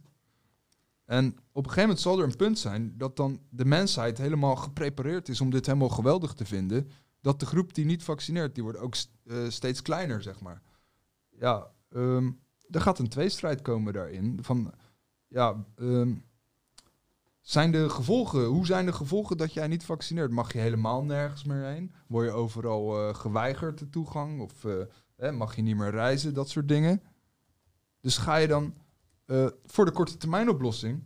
En niet alleen met vaccineren, maar eigenlijk al die digitale zooi. Ook gewoon eh, dat contant geld gewoon verdwijnt, weet je. Mhm. Al- alles wordt een soort eh, digitaal iets. Een matrix over je echte wereld heen. Weer een nieuwe we- Ja, werkelijkheid. Een, een, een rekensysteempje gewoon voor, voor iedereen. Terwijl, ja, op de lange termijn word je gewoon tot slaaf gemaakt. Weet je wel, die, die kokende kikker waar complotmensen het altijd over hebben. Dat eh, telkens een graadje meer, een graadje meer. En die kikker heeft niet eens door dat die eh, dood eh, verbrandt, weet je wel. Dat, ja, dat vind ik allemaal een beetje eng. Vandaar die opwarming, opwarming van aarde. Dat bedoelen ze met die kokende ki- Ja, kikker. hè? maar ook dat hackers, criminelen straks toegang hebben tot, ja, eh, noem maar een minister en eh, geef hem geld om eh, het laten verdwijnen of zo, weet je ja, wel. dat doet de CIA Wat ik al. ook denk bij elektrische auto's die zelf Eh, gaan rijden. De minister van Buitenlandse Zaken of eh andere? Buitenaardse Zaken. nou ja, gaat er dan... eh, weet je, nu moet je ineens overal in Nederland wegen waar je 50 mocht, mag je nu ineens 30. Waar je Oh ja. 80 mocht, ga je ineens 50. Waar je 130 mocht, ga je ineens 100. Dat is voor die auto's van Elon Musk. Want die heeft daar ook eh, aardig wat geld aan verdiend, aan die eh, scam van hem. Die zegt, ik ga in 2000... Je koopt een Tesla in 2023, dan eh, hoef je alleen maar een update in je chip te doen en dan is het een zelfrijdende auto. Dat gaat helemaal niet gebeuren in 2023, is nog veel te vroeg. Maar ze doen wel net alsof dat gaat gebeuren de hele tijd, weet je wel. En jij zegt dat de wegen eigenlijk worden aangepast juist voor elektrische auto's. De, de En- snelheden zijn, hoe wij rijden, is te snel voor een zelfrijdende auto. Mhm. Dus in plaats van dat die auto beter wordt gemaakt, moeten wij allemaal langzamer. Je zit ook, als je, als je 30 rijdt, dan heb je echt het gevoel van, ja, ik wil harder. Ja. En dan Dan moet je een jonko roken. mensen, nou ja, bewijs van, mensen die in, in, die, in die regio wonen, die rijden ook geen 30 op een weg waar je 30 mag. Die rijden allemaal 50, weet je. Mhm. je, ja, fuck it. Weet je wat ik handig vind van trajectcontrole? Ja. Is dat je lekker kan appen, Facebooken, LinkedIn, kan Ja. alles doen. Je rijdt toch één tempo en iedereen rijdt Ja, één ik, tempo. ja, nou, ik vind niet dat je achter het stuur dingen moet doen. ik maak een want, eh, grapje. Ik, maak een Ik snap grapje. het, maar dat wil ik niet mensen aanraden om te doen. Nee. Maar die snelheden, die zijn gewoon, ehm, ja, om die auto's beter te kunnen laten wennen aan welk vakje ze in moeten. En daar zie je ook eigenlijk dat we steeds meer... Dus waarom willen we steeds meer uitbesteden? Ik vind het juist leuk om zelf Nou ja. te schakelen. Oké, ik heb wel een Oh, automaat. Automaat Ja. wel, oké. Maar Nee, ik wil... ja. En dit is misschien een goed voorbeeld met bewust bij betrokken zijn. Hadden we het gisteren nog in de bus Ja. over. Dus eh, ik had Ze het nemen eer- je stuur uit handen. Ja, en dat is precies wat er gebeurt. Eh, our chips. Kijk, Sorry. nu- my car. nu eh, rij je auto en als je lange afstanden rijdt, allochtonen weten na drie dagen naar Marokko, Turkije, ah, sahbi, met z'n zes in de bus, ah, sahbi. Ja. Moet je echt bewust rijden, want er gebeurt van alles op de weg. Je bent eigenlijk half op deze wereld, half ben je in trance, oké? Ik heb het nu ook meegemaakt naar Bosnië, weet je, en terug. Je bent in een halve trance, snap je? Dus je bent bewust op dat moment eh, geconnecteerd ook aan je auto. Ja. Wat er straks gaat gebeuren, wat Simon bedoelt, is dat je een zelfrijdende auto hebt. Je denkt, het komt wel goed. Je gaat achterover liggen. Wellicht laat je, weet ik veel wat je allemaal laat doen het on- ondertussen en alles. En hup, ineens gebeurt er wat. Een hack in die auto, hè? Ze kunnen Ja. hem hacken.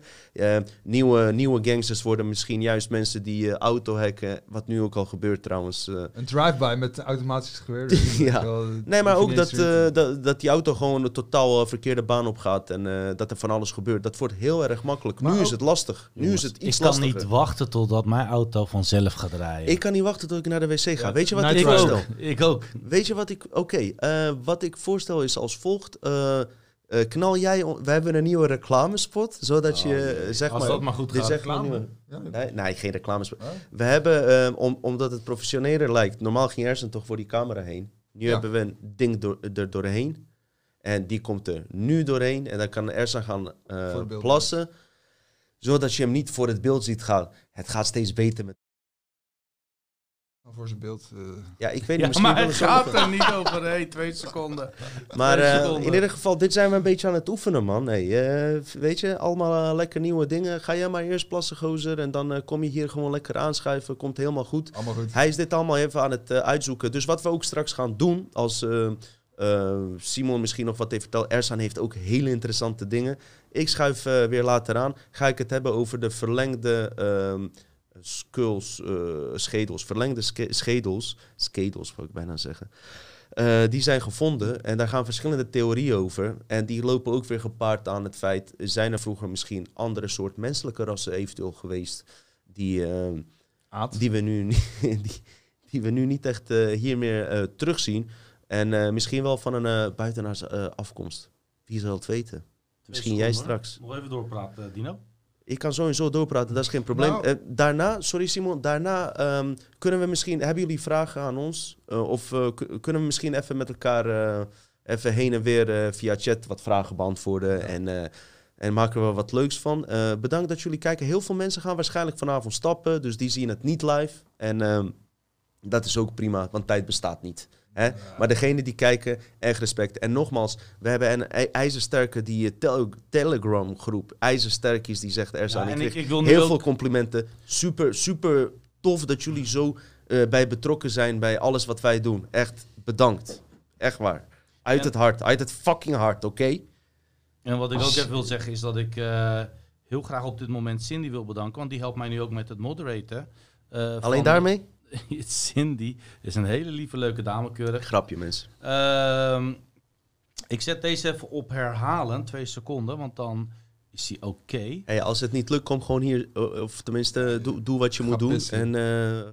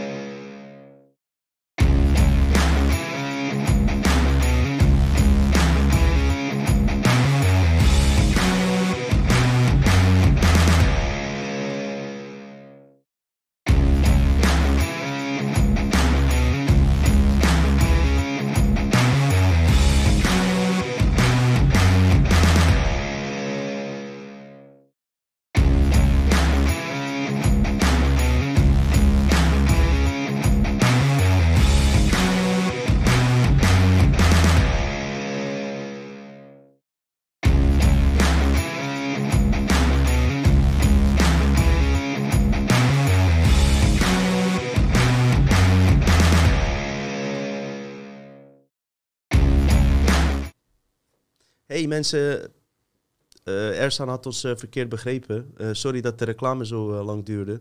Ik begreep echt niet, gozer, wat je nou aan het doen was. Echt, het ging echt net zo lekker. en nou moet ik naar de wc. Dus eh, ehm, ze mogen je niet op beeld zien. Probeer anders onder die camera zo door te schuiven. Dan is het ons alsnog gelukt. hey, sorry mensen dat dit zo lang duurde. Dit is fucked up, man. Ik haat fucking lange reclames. Simon werd helemaal gek, hè? hey, toen die beeld tijd was, hij wou bijna naar, huis. Online ik zweer het je. Oké? Nou, probeer nou maar dat ze je niet zien. Nou ja, hier. Dat is. Ja, hey, eh, we komen zo terug. Eh Ersan heeft sowieso bomvol informatie. Joh, wat hij allemaal net voor me heeft gedaan. Ik kan niet boos worden op die jongen. Die jongen is helemaal top. Die jongen is helemaal top. Kom maar hier zitten, Ersan. Ik kom zo terug. Bedankt voor het kijken. Hè. Bedankt dat je naar zo'n fucking lange reclame... d- daar ben je echt iemand eh, die om ons geeft. Want ik was al lang kijkers. weggezept. Ik was al lang weggezept.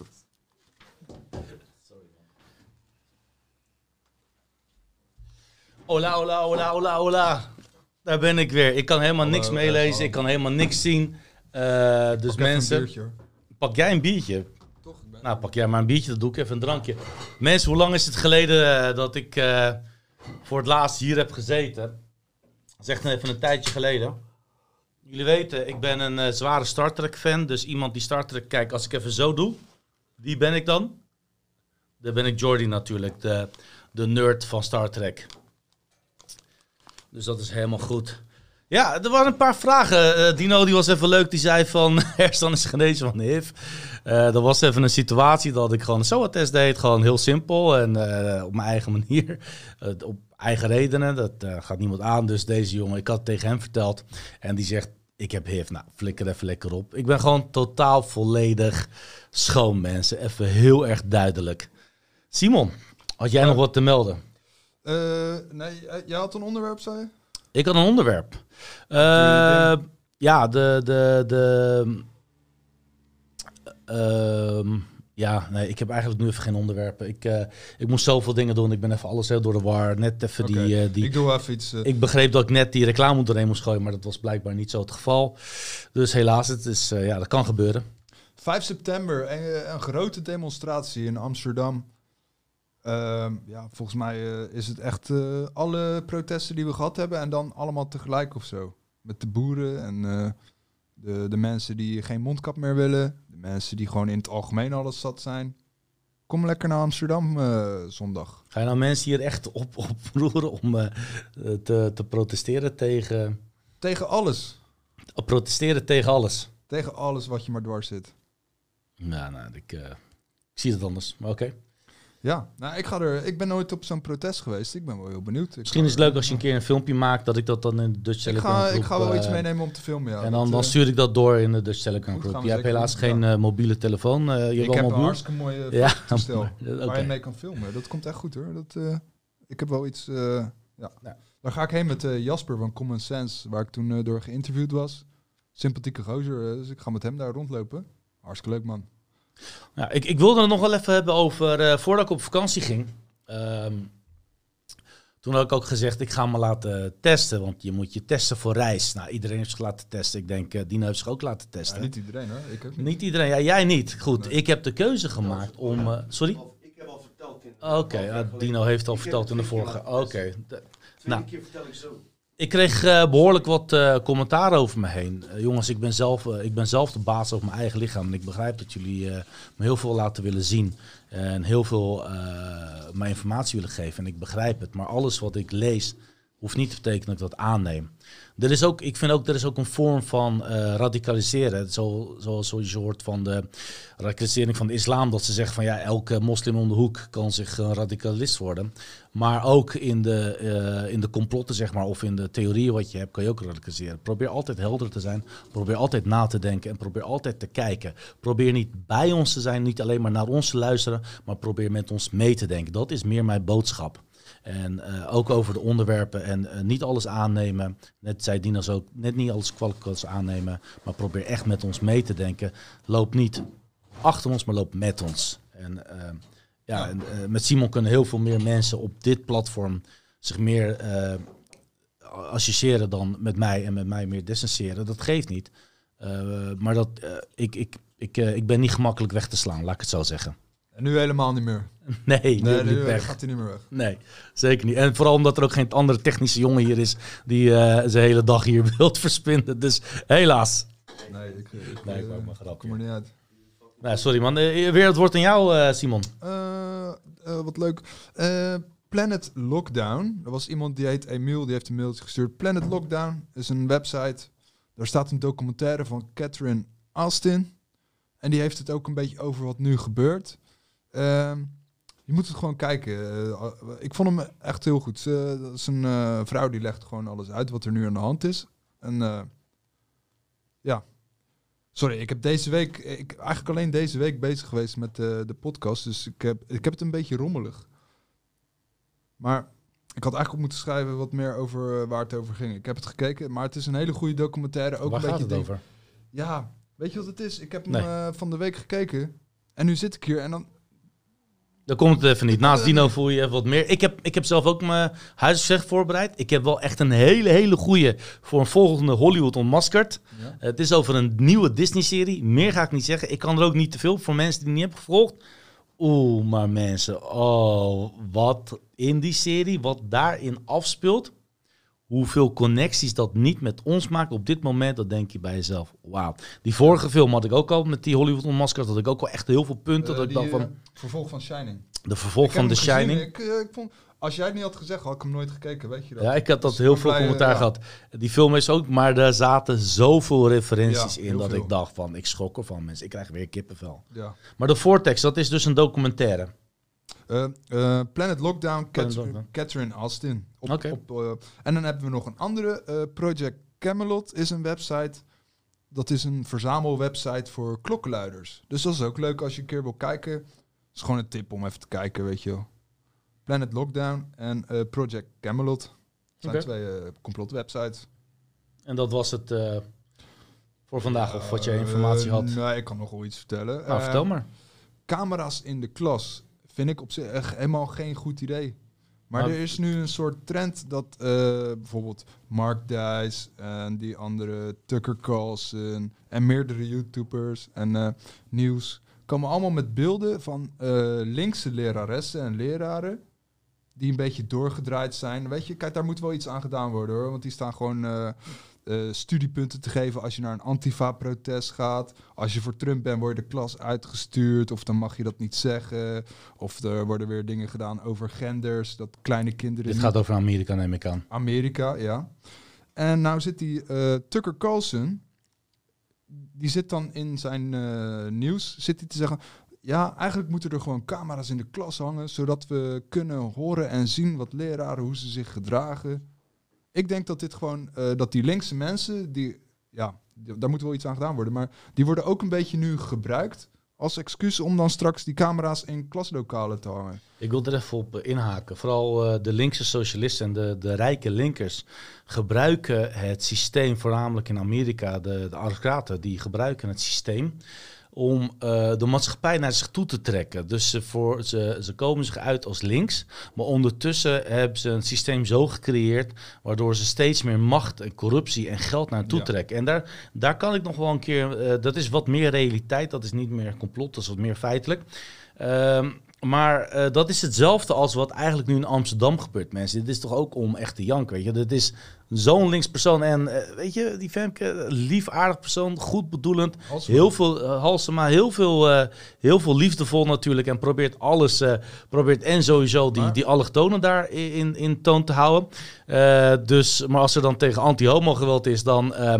probeert ze dat te bagatelliseren. Maar ondertussen wil ze nu mensen laten fouilleren. En de politie mag dus preventief mensen fouilleren.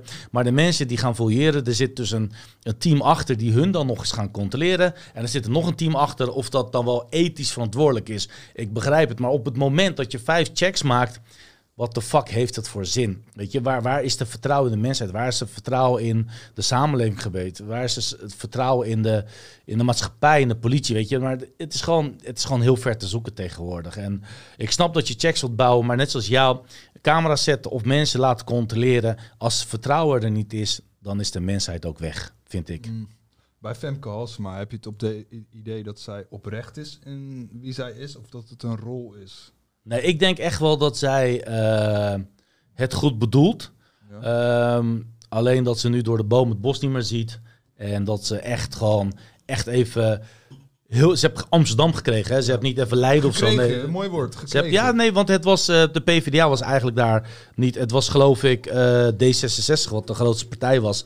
En het was toch een PvdA. Of nee, het is niet PvdA. Excuus, excuus. GroenLinks. eh, partij, ex-partijgenoot die daar dinges is geworden. Als jij een- vrouw ontmoet en die vrouw praat tegen jou zonder de tanden van elkaar los te houden. Ja, dat doen ze in Texas allemaal. Ja? ja. Ben je dan niet heel nieuwsgierig wat er dan achter die tanden zit als iemand heeft Nee, zo ik, ik ben heel erg benieuwd naar jouw praten, meningen. Maar Nee, ik, ik maak geintje, maar ik vind haar wel echt verdacht hoor, ook eng. ja, Ik, ja. eh, nee. Maar over verdacht en eng, hè, mensen. Kijk, ik ben heel Ja. erg realistisch. Ik ben heel erg technisch. Ja. Ik heb dit in de Dutch Telegram ook al toegevoegd. Tot nu toe niet aangekomen. Maar eh, wat ik dus eh, las en wat Dino mij opstuurde... was dat er ehm, in de AI-omgeving, dus artificial intelligence... de computers die zelf kunnen nadenken... in een omgeving waar die computers gesloten ruimte zit... hadden die computers, waar dus IT'ers, dus ik zo, zogenaamd... en mensen als mij, waarschijnlijk beter, dat geeft niet... Die hadden dus ontdekt dat die computers tegen elkaar in talen begonnen te praten waar hun zelf geen verstand van hadden. Dus de talen en de, de taal dat er werd gepraat was volledig, volledig echt gewoon. Joost mag het weten. Wel computers? Computers, gewoon in een AI-omgeving. Dus je hebt een Ja. cluster van computers, Ja. artificial intelligence. Die computers die leerden elkaar steeds beter eh, te communiceren. En in dit geval hadden ze dus een communicatietalen gemaakt om met elkaar te praten. Waar de mensheid en de, mensen achter het niet wisten. Dus ze hebben het heel snel. En dit is waar Elon Musk naartoe ging. Elon Musk zei echt al, vier jaar, vijf jaar geleden misschien al. We moeten regels zetten voor artificial intelligence. Hij bouwt het zelf ook, maar hij zei al van dit is eng. En die man weet wat eng is. Jullie hoeven niet te vertellen, ik hoef niet aan jullie te vertellen hoe eng Elon Musk is. Iedereen kan daar echt boek over schrijven. En dat dit nu werkelijk gebeurt en dat dit naar buiten wordt gebracht. Weet je, what the fuck? Dit is gewoon, eh, we hebben het in Hollywood onmaskerd wel gehad. Dit is Terminator eh, in het begin. Is Skynet. Dit is Skynet. Skynet bestaat al toevallig, maar Ja, ja, dit, is, eh, dit, dit is gewoon fucking eng en ziek. Ja. Ja. Ja, vind, Dino is eh, ook... Ja. Bij Elon Musk, en dat heb ik ook bij die Stephen Hawking. Je ziet Stephen Hawking in een stoel zitten. Je zag hem. Ja, en dan, dan hoor je een stem. Maar zijn mond beweegt natuurlijk niet. Nee. Maar i- is, is die tekst nou echt van hem? Of wordt, weet je, bij Elon Musk heb ik ook het idee, er zit een heel team achter. En die creëert het idee dat hij in zijn eentje heel slim is. Wat vroeger bij dat is toch heel Shakespeare... standaard. Shakespeare was vroeger, dat was ook een collectief van mensen. Dat, dat, Dat was wel, niet oké. één iemand. Ja, maar dat is altijd. Hè. Mensen die macht hebben, mensen die eh, eh, kennis hebben. eh, ik heb het ook al vaak gezegd. Iedereen heeft te weinig tijd om in zijn eentje te doen. Als je hele goede adviseurs hebt. Die adviseurs die adviseren je en die houden je bezig over een situatie tot hoe ver die situatie gaat.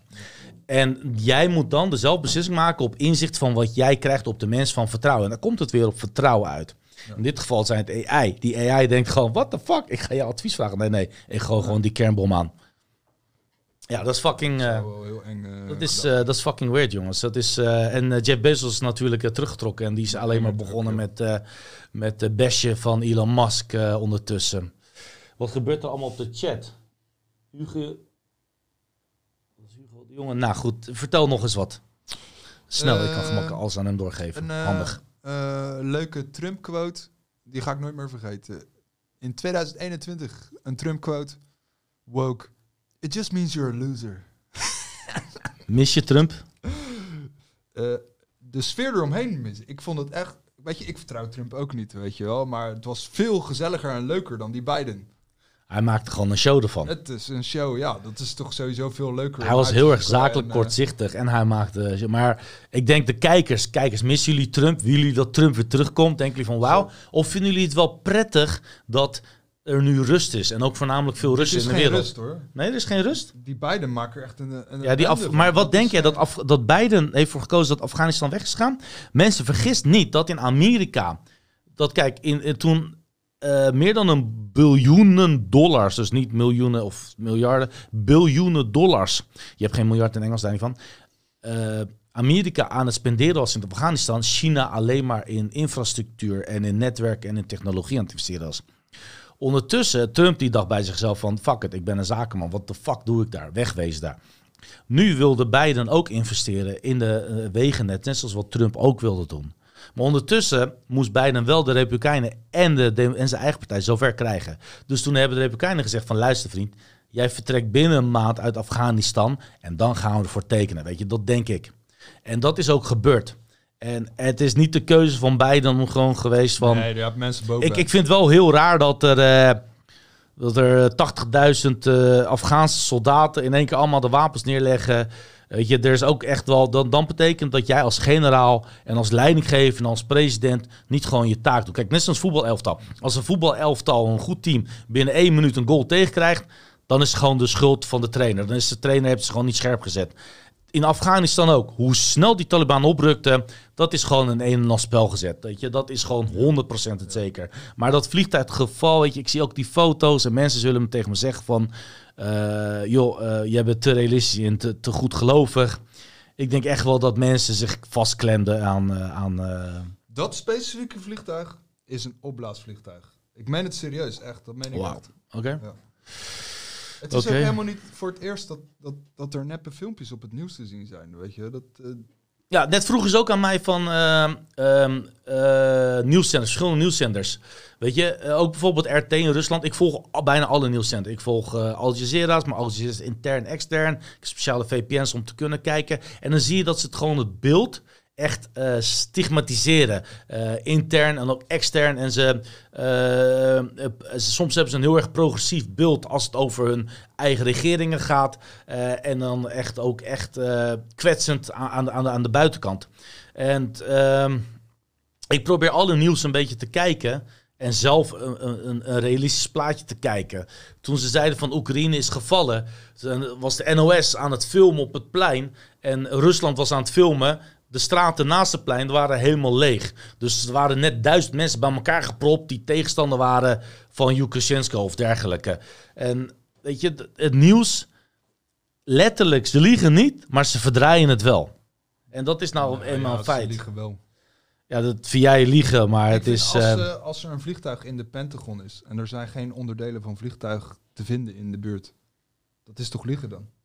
ja, ja, ja. Ja, dat- ja, Ja, daar ben ik nu niet op voorbereid, maar Nee, dat is wel ja, iets waarvan ik ja je eh, even met 9-11 aan. Dat, dat, dat kun- daar, kunnen mensen dat, ook nog... Dat is wel eh, dat mensen in de, die dit kijken, die, die weten toch wel wat 9-11 is. Kom op, die weten toch wel hoe dat... eh, dat hebben ze toch ook wel een Dus, keer... eh, dus ja, er is nog één, één kort ding wat ik echt wil zeggen. Is ook in die chat en dergelijke. Ook, je ziet ook die Wim Engel en dergelijke of wat dan ook. En die zeggen dan, ja, je moet mensen gaan filmen in die prikbus. Je moet mensen gaan filmen die die prikken maakt. En ik, Waarom ik dan? maak dit ja, omdat, omdat ze niet goed bezig zijn en omdat ze gaan vervolgd worden. Ik, en ik, ik merk het ook in mijn Dutch Telegram groep. En mensen, ik, ik kan echt, ehm, echt niet vrolijk vinden. En ik vind het echt heel onsmakelijk als mensen dan mensen gaan opjagen die prikken zetten. Dit zijn waarschijnlijk vrouwen of mensen die keihard moeten werken voor hun geld, die hun best doen voor hun gezin, eh, die voor een samenleving denken dat ze echt vanuit hun hart goed Ja. bezig zijn. En wat gaan wij doen? Of niet wij, maar wat gaan mensen dan doen? Die gaan dan die mensen kwalijk nemen, protesteren. Je moet het niet bij de laagste vorm aannemen. Als je er problemen mee hebt, dan ga je lekker bij de mensen bovenaan pakken. En niet bij de mensen die, eh, die die prik zetten. Want wat die mensen doen, die geloven echt in hun, echt met alles, dat ze het beste voor het samenleving hebben en voor het beste van het mensen. En of, of ik nou geloof in die prik? Nee, ik persoonlijk geloof er niet in. Ik heb wel mijn ouders laten prikken, omdat ik zoiets heb van, hé, hey, neem het, want... eh, Weet je, het kwaliteit van leven voor hun is nu belangrijk en niet over tien jaar. Geloof ik in dat die prik, dat we daar spontaan dood van gaan? Nee, want er zijn duizenden manieren waar ze ons tegelijkertijd dood kunnen laten gaan. Ehm, ja, ik wilde dit even kwijt. En eh, mensen, echt, ik, ik, eh, ik, ik vraag het jullie echt. Ga niet mensen lopen filmen die die prikken zet. Zeker niet waar mensen echt keihard ervoor moeten werken. Die alles ervoor doen om brood op tafel te krijgen. Die in deze samenleving aan het struggelen zijn. En dan gaan wij hun werk nog een beetje naar de klote brengen. Weet je, ga met je boodschap naar iemand die het wel wat aan kan. Dat is het laatste van mij, man. Weet je dat ik van die hele Willem Engel nooit iets gezien of gehoord heb? Hij heeft me van het begin al niet geïnteresseerd. Nou, ik zag, ik zag zijn bericht dat hij dat ging opjagen. Denk ik bij mezelf, is je 50.000 euro op of zo, weet je wel. Rot even lekker op. Ik denk dat hij gewoon toevallig daar terechtgekomen is of zo. Ik, Ja, ik, ik denk dat ik eh, wat eh klote berichtjes hierover krijg, maar dat boeit allemaal niet. Nou, maakt niet uit. Jij bent gewoon Ersan. En dat, Ik blijf eh, Ersan ook. mensen ook accepteren. Voor sommigen ben ik geen Ersan die nu kijkt als je denkt van... hey, heet hij niet anders? Ja, dat is een andere situatie. Was hij niet dunner? Ja, dat was ook zo. Dat is ook een andere situatie, mensen. Maar Hè? Dat, is, eh, dat, is, dat zijn allemaal rollen. Ja. Nee man, ik, eh, ik, heb, ik heb niet meer veel te zeggen. En eh, voor de kwaliteit van de show eh, zou ik graag Dino hier eh, terug in willen hebben. Oké. Oké, we gaan nog eventjes door. Heb je nog een leuk onderwerp? Van dunner word je niet dunner. Van dunner word ik niet dunner. Nee, dat heb ik gemerkt, jongens. Ik blijf rondjes draaien en eten. hey, mijn vakantiefoto's. Ik heb echt zoveel mogelijk leuk jullie proberen bezig te houden. Leuke gesprekken eh, op de Dutch. Ik hoop dat jullie het leuk vonden. Eh, ik probeerde alles te refereren. Het was, het gaat nog iets langer duren, hoor ik nu. Ehm, eh, ik, ik vond die foto's wel echt leuk. Ook die vragenquiz. Ik vind het heel leuk, wat ik zelf doe, blijkbaar.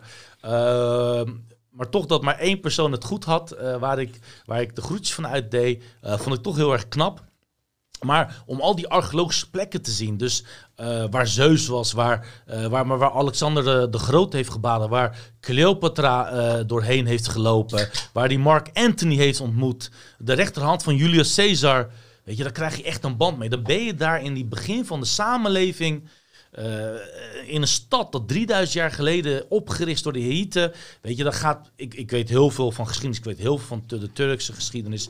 Ik weet, ik weet echt. Ik, ik hou van geschiedenis. En misschien moeten we een keer een podcast erover maken. Misschien moeten we iemand erover uitnodigen die interesse heeft over de geschiedenis, over het begin van de samenleving, over, de, over waar de Turken nou vandaan komen. Persoonlijk heb ik daar heel veel interesse in. Natuurlijk ook omdat mijn ouders daar vandaan komen, maar ook omdat ik daar heel vaak ben geweest. En zelf al die oudheden heb gezien, zoals Cappadocia. ehm, een stad waar bijvoorbeeld uh, Mimar Sinan is geboren, waar de, de, de, de Blauwe Moskee die heeft gemaakt en dergelijke. Eh, ja, en, en heel veel van de Osmaanse Rijk. En dat, dat kunnen we misschien een keer doen. Misschien dat de meeste lijkt dat nu. Ik gooi daar ook een pal over. Eh, maar als, als dat een keer leuk lijkt, dan kan ik daar ook een keer eh, over een podcast maken. Ja, we kunnen weer even. Ik, eh, ik sta weer even op. Hij zegt eh, Julius Caesar. Weet je dat sommige mensen denken dat het werd uitgesproken als eh, keizer? Omdat het op keizer lijkt. Ik denk, ja, ik zeg maar. Heb jij dan nu even pauze dan, Simon? Ja, is goed. Ik ga even chillen. Tijd voor Simon's pauze. Hey, ik ben er weer. Hopelijk kunnen we nog nieuwe shit brengen voor jullie. Zijn er een beetje kijkers dan? Of, eh, Niet dat het wat tijd maakt hoor. Alleen mijn laptop even van jou. eh. Oh. Tuurlijk, gozer. Hey, we zijn er weer. En ehm, onthoud even mensen ook even... Zet het gerust in de chatbericht. Over dat eh, PCR-test. Ik heb al eerder verteld, ik moest een keer PCR-test doen... omdat ik eh, naar de kloten ging begin van corona. Toen die hele corona net begon. Ik heb er nog één eh, gehaald. Ik ga je vertellen op wat voor manier. Haha. Misschien heb je er wat aan. Oké. Je ziet wel eens mensen met eh, rare hoofden, toch? In je omgeving. Denk jij, wat een rare hoofd. Maar sommige hoofden zijn echt raar. Vooral die opgegraven worden in archeologische secret knowledge societies. En ehm, ik ga dit rustig even op, opbouwen met het volgende bericht van de Chinese drakenman. En eh, dat is meteen, meteen nummer vier die je er doorheen kan editen. Ehm, we gaan even terug naar het verhaal. We hebben het over Anunnaki gehad. En eh, ja, eh, toch vreemde wezens die onder ons leefden in een eh, ja, hele lange tijd eh, geleden. Nou was er twee maanden geleden, eh, eh. Eigenlijk hoorde op Sublime FM, gewoon, gewoon op de radio hoorde ik dat. Waarvan ik dacht van, hé, hey, die Darwin-theorie die altijd is aangehouden, eh, zelfs in de mainstream wordt die nou steeds vaker tegengesproken. Dus ik dacht bij mezelf, hé hey, luister eens, ik lees even gewoon dat berichtje door van, eh, van een mainstream eh, nieuws. Dus ik ga dat even doen, Ersan, als het mag van jou. Ja, zeker, dat mag. Door Jeannette Kras, 26 juni 2021. Eh, kwart voor tien schreef ze deze. Zo, zo vroeg zou ik echt geen zin hebben om over deze shit te hebben, zelfs ik niet. Dus eh, heel knap van haar eh, dat ze hierover gaat praten zo vroeg. Wat is er gebeurd? Ehm, in de Chinese put is een enorme sche- mensenschedel ontdekt die 90 jaar geleden is verborgen. De fonds dwingt wetenschappers om de geschiedenis van de menselijke evolutie te herschrijven. Dit is zoveelste bericht, zoveelste nieuws, waaruit blijkt dat die hele Darwin-theorie niet klopt en al die shit die we op onze school eh, hebben gehad, dat het gewoon niet samengaat. Ze concludeerden dat na analyse van het fossiel dat er nog een andere tak van menselijke stamboom moet zijn geweest. Hoor goed, het gaat om een onbekende zustergroep die meer gerelateerd is aan de moderne mens dan aan de Neandertalers. Waar zit hier een fout in? eh, dit eh, betreft een stuk die gevonden is van eh menselijk lichaam van minstens 146.000 jaar oud. Terwijl die de moderne onderdelen van de moderne mens bevat. Doe je een beetje mee, Ersan? Luister je wat ik zeg? Ja, sorry. Ik, eh, ik Nee, nee, even- ja, ja, maakt ik- verder niet uit. Nee, maar eh, voor het geval dat je vraag tussendoor hebt, dat het gewoon, het hoeft niet per se. Ja. Dus, het, eh, dus je hebt zeg maar ehm, een theorie dat we steeds langzameraan eh organen zijn gaan vervormen in een hele structuurachtige periode, hè? wat volgens wat ons is geleerd. En nou zie je ineens een fossiel, hoe noem je het, 146.000 jaar oud, die bevat, die ziet er zo en zo vreemd eruit, grote schedel, ga ik straks allemaal opnoemen. Maar die heeft gewoon moderne onderdelen van de moderne mens in zich. Wauw, spannend. Het bijzondere, fossiel, het bij- bijzondere fossiel is door Chinese wetenschappers bestempeld als de nieuwe mensensoort. De Homo longi of draakman. Waarom draakman? Hij is gevonden in een rivier, soort van drakenrivier. Ik, vertel het globaal, ik kan een paar foutjes maken. En de legendes in China gaan, in China gaan erover dat op die rivier draken, go- goede draken tegen slechte draken vochten. En dat ehm, degene die eh, verloren, eh, zeg maar, in die rivier gingen. En in die rivier zijn ook, is ook deze schedel gevonden, vandaar de naam Draakman. Al zijn andere wetenschappers het hier helemaal niet mee eens ehm, als het eh, om deze theorie gaat. Ze zien gelijkenissen met andere fossielen die zijn gevonden in het gebied. Dat neemt niet weg dat er, ja, eh, dat het, ehm, die andere fossielen die gevonden zijn, kunnen ook gewoon bij diezelfde soort horen. Dus ik begrijp sowieso niet die conclusies van de mainstream eh, wetenschappers. Nou, internationaal eh, team is daar geweest eh, en eh, ze hebben ontdekt dat, dat, dit fossiel, dat het fossiel minstens 146.000 jaar oud is. Schedel heeft een unieke combinatie van primitieve en moderne kenmerken van de huidige mens. Enorm hoofd. Ehm, de schedel is 23 centimeter lang en 15 centimeter breed. En waar het eigenlijk op neerkomt, is dat het groter is dan de menselijke brein. En dat de moderne menselijke brein daar nu makkelijk in zou passen. En dat betekent ook dat die veel intelligenter is dan de menselijke brein van nu. Ehm, moet ik verder iets over hier lezen? Ersan, wat is jouw... eh, mening erover. Ja, het is, het is één fossiel, dus het is waarschijnlijk een abandoned alien waarschijnlijk. Of het was een misvormde tumor dat die persoon had. Ehm, de oude resterende menselijke botten, of je het over menselijke botten hebt, dat is ook de vraag. En bij ons is gebleken dat hoe groot je brein is, maakt niks uit, want we gebruiken maar 5% van de capaciteit. Dus al was zijn brein veel groter, gebruikte hij ook volledig capaciteit. Dus het zijn allemaal vragen, maar het is wel vaag dat is gevonden. En er zijn meerdere van dat soort botten en botresten gevonden. Ja, en ik vind het heel eh, scherp van jou. En daarom ben ik zo blij eh, dat jij er ook eh, bij bent. Die- Nee, maar dat we gewoon even ook... dit is wat, denk ik, 90% van mensen op aarde als opmerking zouden hebben. Datgene wat jij zegt. Dus daarom vind ik het sterk. En ik sta daar ook nog steeds achter van, ja, het is er één.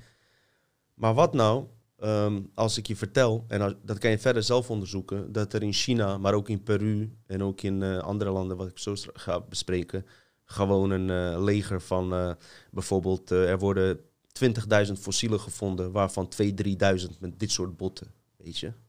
Dan spreken we niet meer over een misvorming. En ze lijken wel aardig op elkaar. Dus die verlengde schedels, ik heb het eerder gehad in eh, Illuminati-afleveringen en eh, Anunnaki-afleveringen over de farao's. Die werden als goden aanbeden en die hebben natuurlijk altijd zo'n, hoe noem je dat? Simon weet dat wel. Wat farao's dragen op hun hoofd. Ja, zo'n soort hoed, wat de paus ook draagt, wat heel erg op elkaar Een lijkt. tulband of zo. Ja, zo'n soort hoed. Wa- wa- wat is de functie daarvan? Eh, het verhaal ging erover, omdat de schedel er anders uitzag, bedekten ze die. Om dat gewoon eh, ja, niet te laten zien. En eh er zijn kan misschien wat foto's laten zien van farao, zoals Tutankhamon en zijn voorvaderen en nakomelingen. Die allemaal een vreemde schedel bevatten. Waarom linkt dit goed met ons onderwerp? Uiteraard omdat eh, we denken ik heb het bewijs er niet voor. Maar die zijn wel mooie aanwijzingen. Dat ze toch niet 100% menselijk waren als, denken. Koninklijke bloed. En dat blauw bloed toch misschien wat eh, meer letterlijk zou kunnen worden aangenomen. Je hebt die Toetag... sorry hoor. Tutankhamon Akhenaten. Akhenaten. Sorry als ik het verkeerd uitspreek. Voor degenen die hier heel veel verstand van hebben. Van nee, dat spreek je niet zo uit. Nou, sorry. Hoef je het ook niet te typen in de comments. Kijk, daar zijn heel veel onderzoeken op gedaan. En ehm, eh, daar zijn geen verklaringen voor. Oké? En ehm, ik weet dat je nu bij jezelf denkt... Er zijn stammen die hun kinderen inbinden op, als ze heel jong zijn en baby zijn, binden ze hun schedel in, dat bestaat, zodat die schedel een, eh, soort van verlenging krijgt. Oké, dat bestaat. En die mensen hebben inderdaad een grotere schedel. Eén vraag is, waarom doen die mensen dat? Kan je afvragen. Als je het linkt aan hun religies, waarom ze dat doen, is omdat ze uh, willen lijken op de goden die ze vroeger bezochten. Dus linkt het nog aan de aliens. Maar een ander ding is dat, dat het niet alleen om die schedel zelf gaat. Het zijn vaak schedels die twee keer zo groot en zo zwaar zijn als de menselijke schedel. Dat ten eerste. En ten tweede, de oogkassen zien er anders uit. En verder zijn er nog vier, vijf punten die niet menselijk lijken. En als we nu naar Peruaanse zaak gaan, dan blijkt het toch door drie uh, professionele antropologen, die ik nu verkeerd uitspreek, maar ik heb geen reeds schelen natuurlijk. Um, dat het toch echt niet om uh, menselijke wezens gaat. Poep je hem al, Ersan? Ja, ik heb ze erin gezet. Ja, ja. ja ik heb ze ook weer weggehaald. Poep je hem al? Uh, nee, ik, uh, ik poep hem nog niet, want ik heb natuurlijk de, de Indiana niet... Jones Crystal Skulls gekeken. dus ik was al voorbereid. Ik heb zelfs iets over Crystal Skulls gez gezocht, maar ik kon, het was zoveel allemaal dat ik het niet aan elkaar kon linken. Maar wie weet, in de toekomst. Volgens mij heeft Joe Rogan het wel eens daarover gehad. Klopt. Ja, dit zijn goed dat, dat ze daarmee inzetten. En er zijn heel veel in Hollywood heel veel tekens die terug. Dus er, er is wel iets. Maar wat, weet je, hoe kunnen wij het bewijzen? Hoe kunnen wij, simpel mensen hier, zonder dat we daar zijn, het bewijzen alleen maar dan het met lezen? Maar er is iets meer gaande. En daar ga ik je nu vertellen, ja. ja. Oh, nou, ik ben benieuwd. Daar ga ik je nu vertellen. Wat een mooie uitslag. Uh, dit is geen, uh, ja, ik vind het wel dat... Uh, mensen die zich hier heel erg serieus mee bezighouden en die wel durven uitkomen voor hetgene waar ze achter staan. Je moet begrijpen dat uh, je, je, merkt nu dat in de artsenwereld en in de medische wereld heel veel mensen bang zijn om hun mening over een bepaald onderwerp te vertellen voor de consequenties. Ze hebben een hypotheek, noem maar op. Maar dat geldt dus ook voor de archeologische vondsten, vondsten bevindingen. Ook die mensen um, zijn lid van een uh, bepaalde commissie. Uh, en ze moeten toch indirect, net als uh, in, de politiek en alles, toch maar meedraaien met, met hetgene wat, wat heerst. Het gedachtenveld wat daar heerst, de cloud die daar heerst. Waardoor ze toch maar meegaan, omdat ze bang zijn voor de consequenties. En dat geldt ook hiervoor. Ik heb al eerder verteld, bijvoorbeeld de piramides worden altijd onderzocht door archeologen. Maar Sammy Rosmanagic zei een keer heel goed: je moet een keer een aantal professionele ingenieurs, moderne ingenieurs uitnodigen. En hun vraag is om uit te leggen hoe die ingewikkelde constructies zijn gebouwd. Dat gebeurt dus niet. Archeologen komen daar puur voor de fondsen, maar niet voor de techniek, hoe zo'n piramide is gebouwd. En ik hoop nu echt dat we in een tijd, uh, nou dat voel ik sowieso, leven waar dit gewoon uh, aan licht komt. Misschien zijn er een paar archeologen in Nederland die nu denken van, wow, weet je, laat ik dit eens gaan onderzoeken. Of uiteraard gebeurt het ook wel. Um, andere zaak, ik ga hier globaal doorheen. Hier is zo gigantisch veel materiaal over te vinden. Dus echt meer inspiratie voor jullie om dat ook verder uit te bouwen. Want Simon heeft het ook over gehad dat hij het over de Tartaren wilde hebben. En giant skulls en uh, de, de, de, de Nephilim en dat soort dingen. Laat dit zeg maar voorbereiding zijn op een aflevering uh, die we dan uh, niet live gaan opnemen. Omdat het dan wel zeg maar goed bewerkt moet worden om de beelden goed te laten zien. Daar komt het sterker over. En trouwens, dat is wat Simon net vertelde. Als hij die beelden erbij had, was het sterker overgekomen. Dus als je twijfelt, zoek die beelden gewoon vooral zelf ook op. Goed, we gaan naar uh, bijvoorbeeld een voorbeeld Peru. Dus al die uh, delen uh, van de wereld, ook waar trouwens Ancient Aliens heel veel aandacht aan, aan hebben besteden, Nazca-lijnen en dat er buitenaardse bezoekers waren, ook in Maya, hebben ze ook tradities inderdaad om hun kinderen, als ze klein zijn, hebben ze een zachte schedel, inbinden, wordt de schedel groter. Maar waarom doen ze dat? Wat is de reden daarvoor? Maar we gaan terug naar Peru. Daar zijn dus schedels gevonden die dus niet ingebonden zijn. En uh, er is een, een, museum die heet Paracasas History Museum. En uh, ja, daar zijn ook wel eh, interessante eh, dingen gevonden. Ersan gaat straks wel een link laten zien. Ehm, zou het om de Anunnaki gaan? Zou het om die wezens gaan die, eh, die wij vroeger hebben gezien? Je kan die eh, zesde link ertussen plakken, Ersan. Ehm, met, eh, zeg maar, met het idee dat ik nu gewoon weer een krantenartikel voorlees van een volgens mij Nederlandse eh, krant van, of een website. Archeologieonline.nl. Jullie zijn geweldig. Ik weet niet wanneer jullie deze website hebben gebouwd. Of jullie nog überhaupt leven. Ik hou van jullie. Ik hou heel erg veel van jullie. Want ik ga even een stukje van daaruit lezen. En eh, wie weet kunnen mensen ook op jullie website komen en eh, hier nog wat meer over uitzoeken. Tot voor drie uur geleden kon ik jullie geen eens. Ehm, als het goed is, eh, heb jij nu zeg maar iets van die website laten zien met het plaatje erop. Ja, En eh, ik ga nu voorlezen wat hier globaal in staat. In Peru is dus een schedel van buitengewone proporties gevonden. Het hoofd is langwerpig en heeft een zachte plek, net zoals bij baby's. Maar ook twee grote kiezen, zoals bij volwassenen. Dus vaak zeggen mensen het is een misvormde embryo. Maar hoe komt het dan dat die kiezen erin zitten, zoals bij volwassenen? Ja, omdat die misvormd is. Ja. Of omdat jij misvormd bent. En niet keer nadenken. Nee, grapje. Eh, sloeg nergens. De drie antropologen eh, hebben dit dus eh, bezocht en zijn het onderzocht en zijn het erover eens dat dit niet op een menselijk wezen gaat. Überhaupt. Ook door DNA nagecheckt hebben. De gemummificeerde schedel werd gevonden in de stad Adahualias in Peru. De schedel is bijna net zo groot als het lichaam dat erbij werd gevonden. Dus de schedel is even groot als het lichaam zelf. Dat is eh, lastig lopen, lijkt me. Lijkt me ook wel. En hoort het bij elkaar dan? Dat, dat dient verder onderzocht te worden. Dit is gewoon even aanzet voor jullie. Hè? Ik kom hier ook geen punten maken. Antropologen beweren nog nooit eerder zoiets gezien te hebben.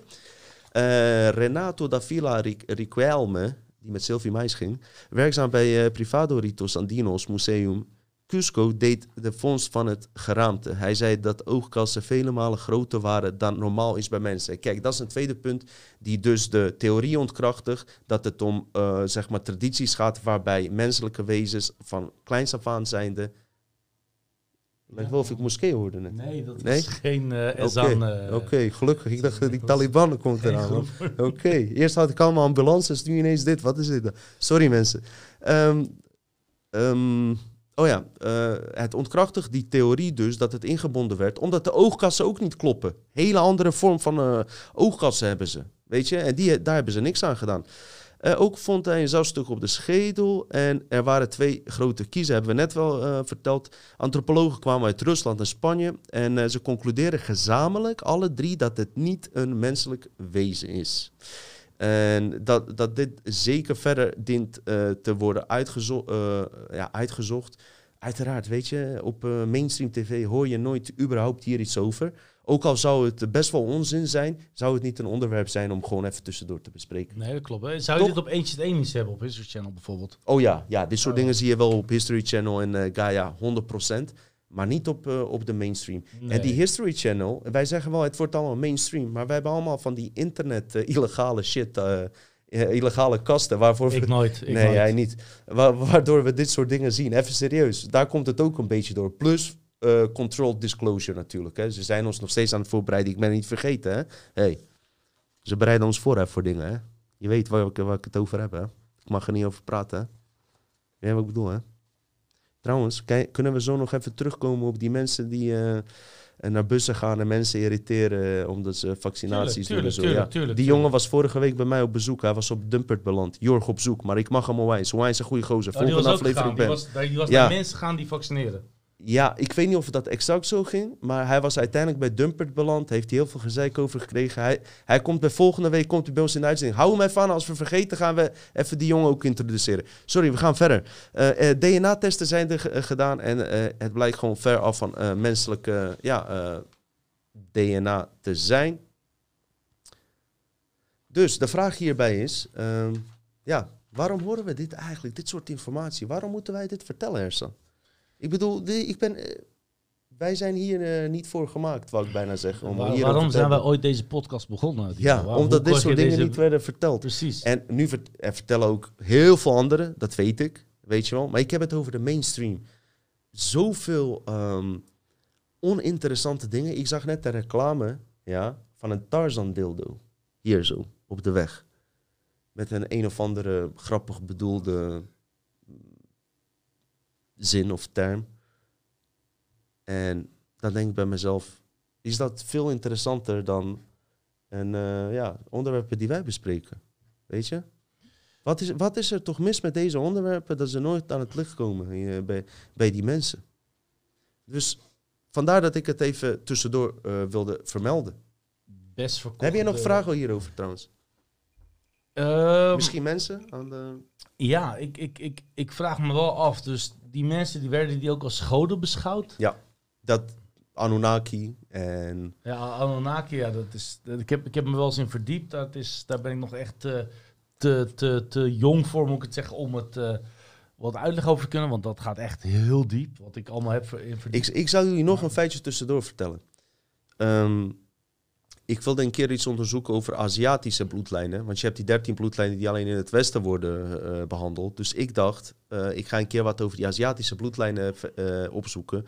Ik ben er nooit echt aan toegekomen om dat echt goed uit te zoeken. Maar Michael Salla, die ook trouwens in de nieuwe Netflix-documentaire Alien, ik weet niet hoe die heet. Fucking goede documentaire trouwens, vind ik zelf. die nu op Netflix is. Zeker waard om te kijken. Die gast zie je ook. Die heeft wel die Aziatische bloedlijnen onderzocht. Maar wat ik zag in een andere bron, niet van hem dus, is dat een eh, keizer uit eh, Azië, China, ik weet niet welk land het was, of Japan, oorspronkelijk eh, blauw bloed werd genoemd. En er staat zelfs op Wikipedia dat hij zelfs nog een staart had. En elke nakomeling, hoe, verder de nakomelingen kwamen, verdween die staart steeds meer en meer. En, en hij had blauw bloed. Verder heb ik niet onderzocht om het goed te onderbouwen. Maar weet je, het zijn wel bizarre dingen. En eh, Egypte wordt vooral met die Anunnaki natuurlijk eh, gelinkt. En eh, die Tutankhamon, die hele familie, die hele bloedlijn. Als je die originele foto's die we nu niet achter elkaar kunnen laten zien, ziet van de fondsen, die schedel is niet de schedel als van een normaal mens. Dus het gaat hier niet om een misvorming. Dit gaat om een fucking farao, weet je. Stel je voor dat Willem-Alexander een misvormd hoofd had. Oh shit, dat is een slecht voorbeeld. Ehm, nou, laat maar Ik zitten. zet er nog even de prinses van de farao's erin. eh, mensen, dat jullie nog even kunnen kijken. Dit is gewoon door jarenlang eh, in... Nee. Eh, wat ik voorstel, als jij niks verder te zeggen Nee. hebt, is of misschien dat kijkers eventueel vragen hebben. Eventueel vragen Ja, hebben. dat was al een vraag, ja. Ehm, wat ik tussendoor kan vertellen. Volgende aflevering komt Jorg op bezoek. Kan je misschien tussendoor een foto van hem plakken? Oh, Jorg, dan moet ik hem even eerst zoeken. Ah, laat, als het te veel werk is, laat maar zitten. Jorg op bezoek. eh, op zoek. Eh, die aflevering noem ik Jorg op zoek. Is een jongen die op Instagram bezig is. En ehm, eerlijk gezegd eh, volg ik niet heel veel van, van mensen wat ze allemaal zelf doen. Ik kwam toevallig op die gozer terecht. Ik vond hem heel... ehm, eh, hoe moet ik dat zeggen? Hij representeert een fucking grote gedeelte nu van mensen... ehm, die vragen hebben, laat ik het zo zeggen. Dus als je hem ziet, zie je niet een standaard complotgek. Eh, hier, doe maar deze foto. Hier ziet hij er goed uit. Nee, wel, eh, anders ook wel. Ik stuur je link wel even in de Ja. YouTube. Komt In helemaal ieder geval, mensen. ik kwam op zijn eh, video. Hij volgde ons ook, zag ik.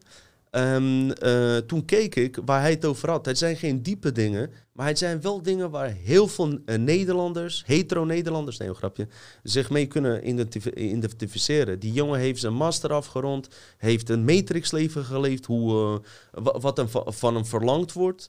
En ineens komt die fucking COVID.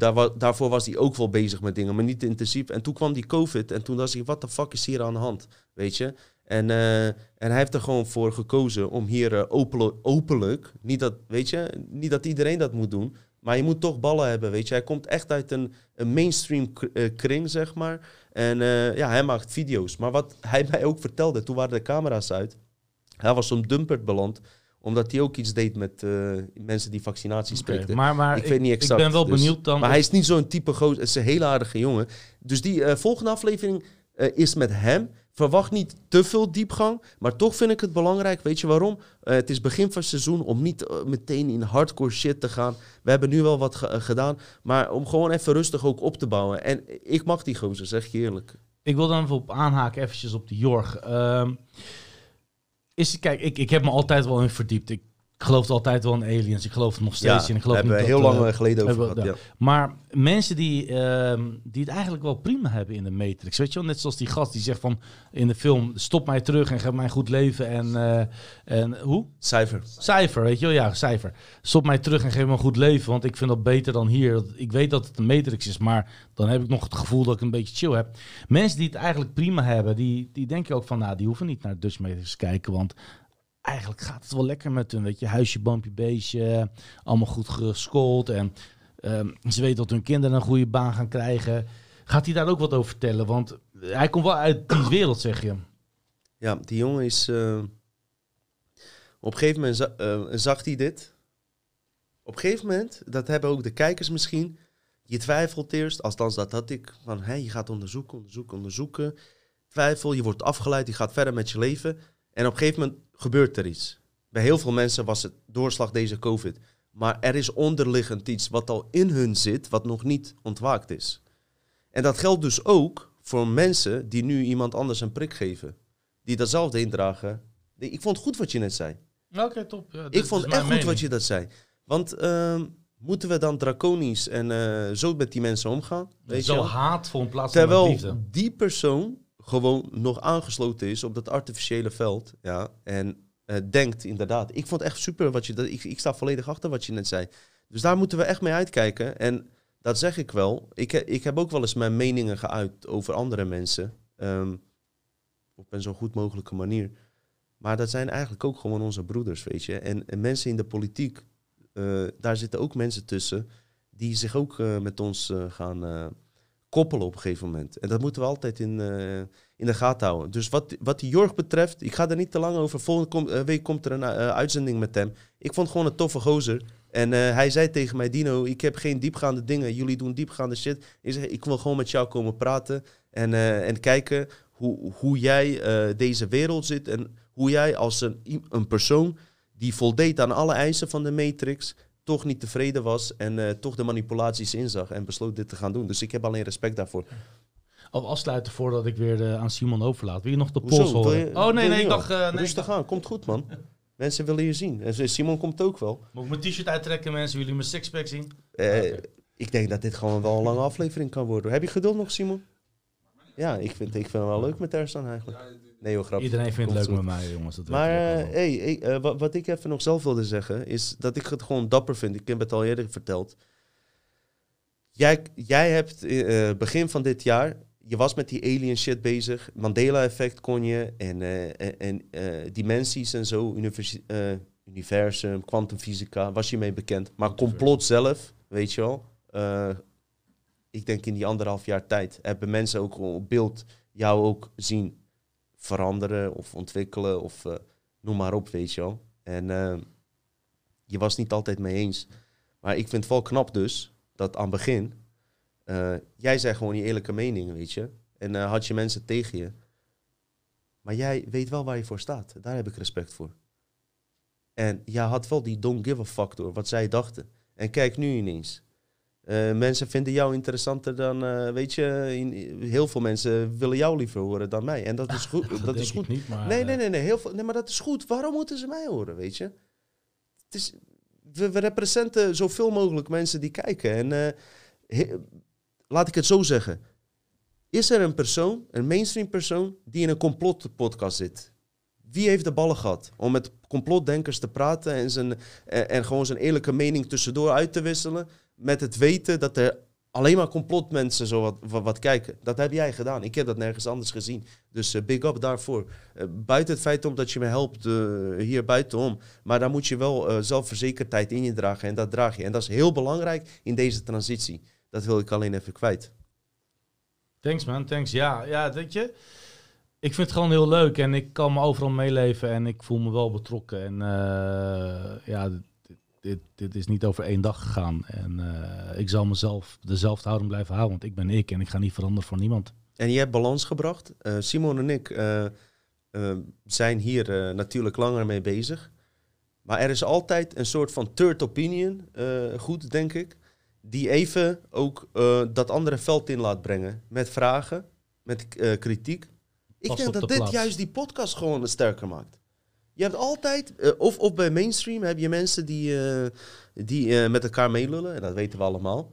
Maar durft er een, in andere podcasts in het algemeen iemand echt even te zeggen: hey, rot op, Dino, man. Fuck dat, man. Weet je wel? Wat van begin hadden. We hadden heel veel discussies. Ja, breng, zet Maar maar dat is even goed. even op tafel. Ga ik Ja, even met dat soort praten. dingen, weet Kijk je de wel. eerste aflevering, Maar- met, zou ik zeggen. Ja. Maar, maar dat was gewoon echt wat je ook dacht. En Ja. ik denk dat, dat de kijker dan ook eerlijker beeld heeft. En eh, voor ons was het makkelijk, voor mij en Simon. Wij hebben al 1-0 voorsprong, omdat mensen ook met deze dingen bezig zijn.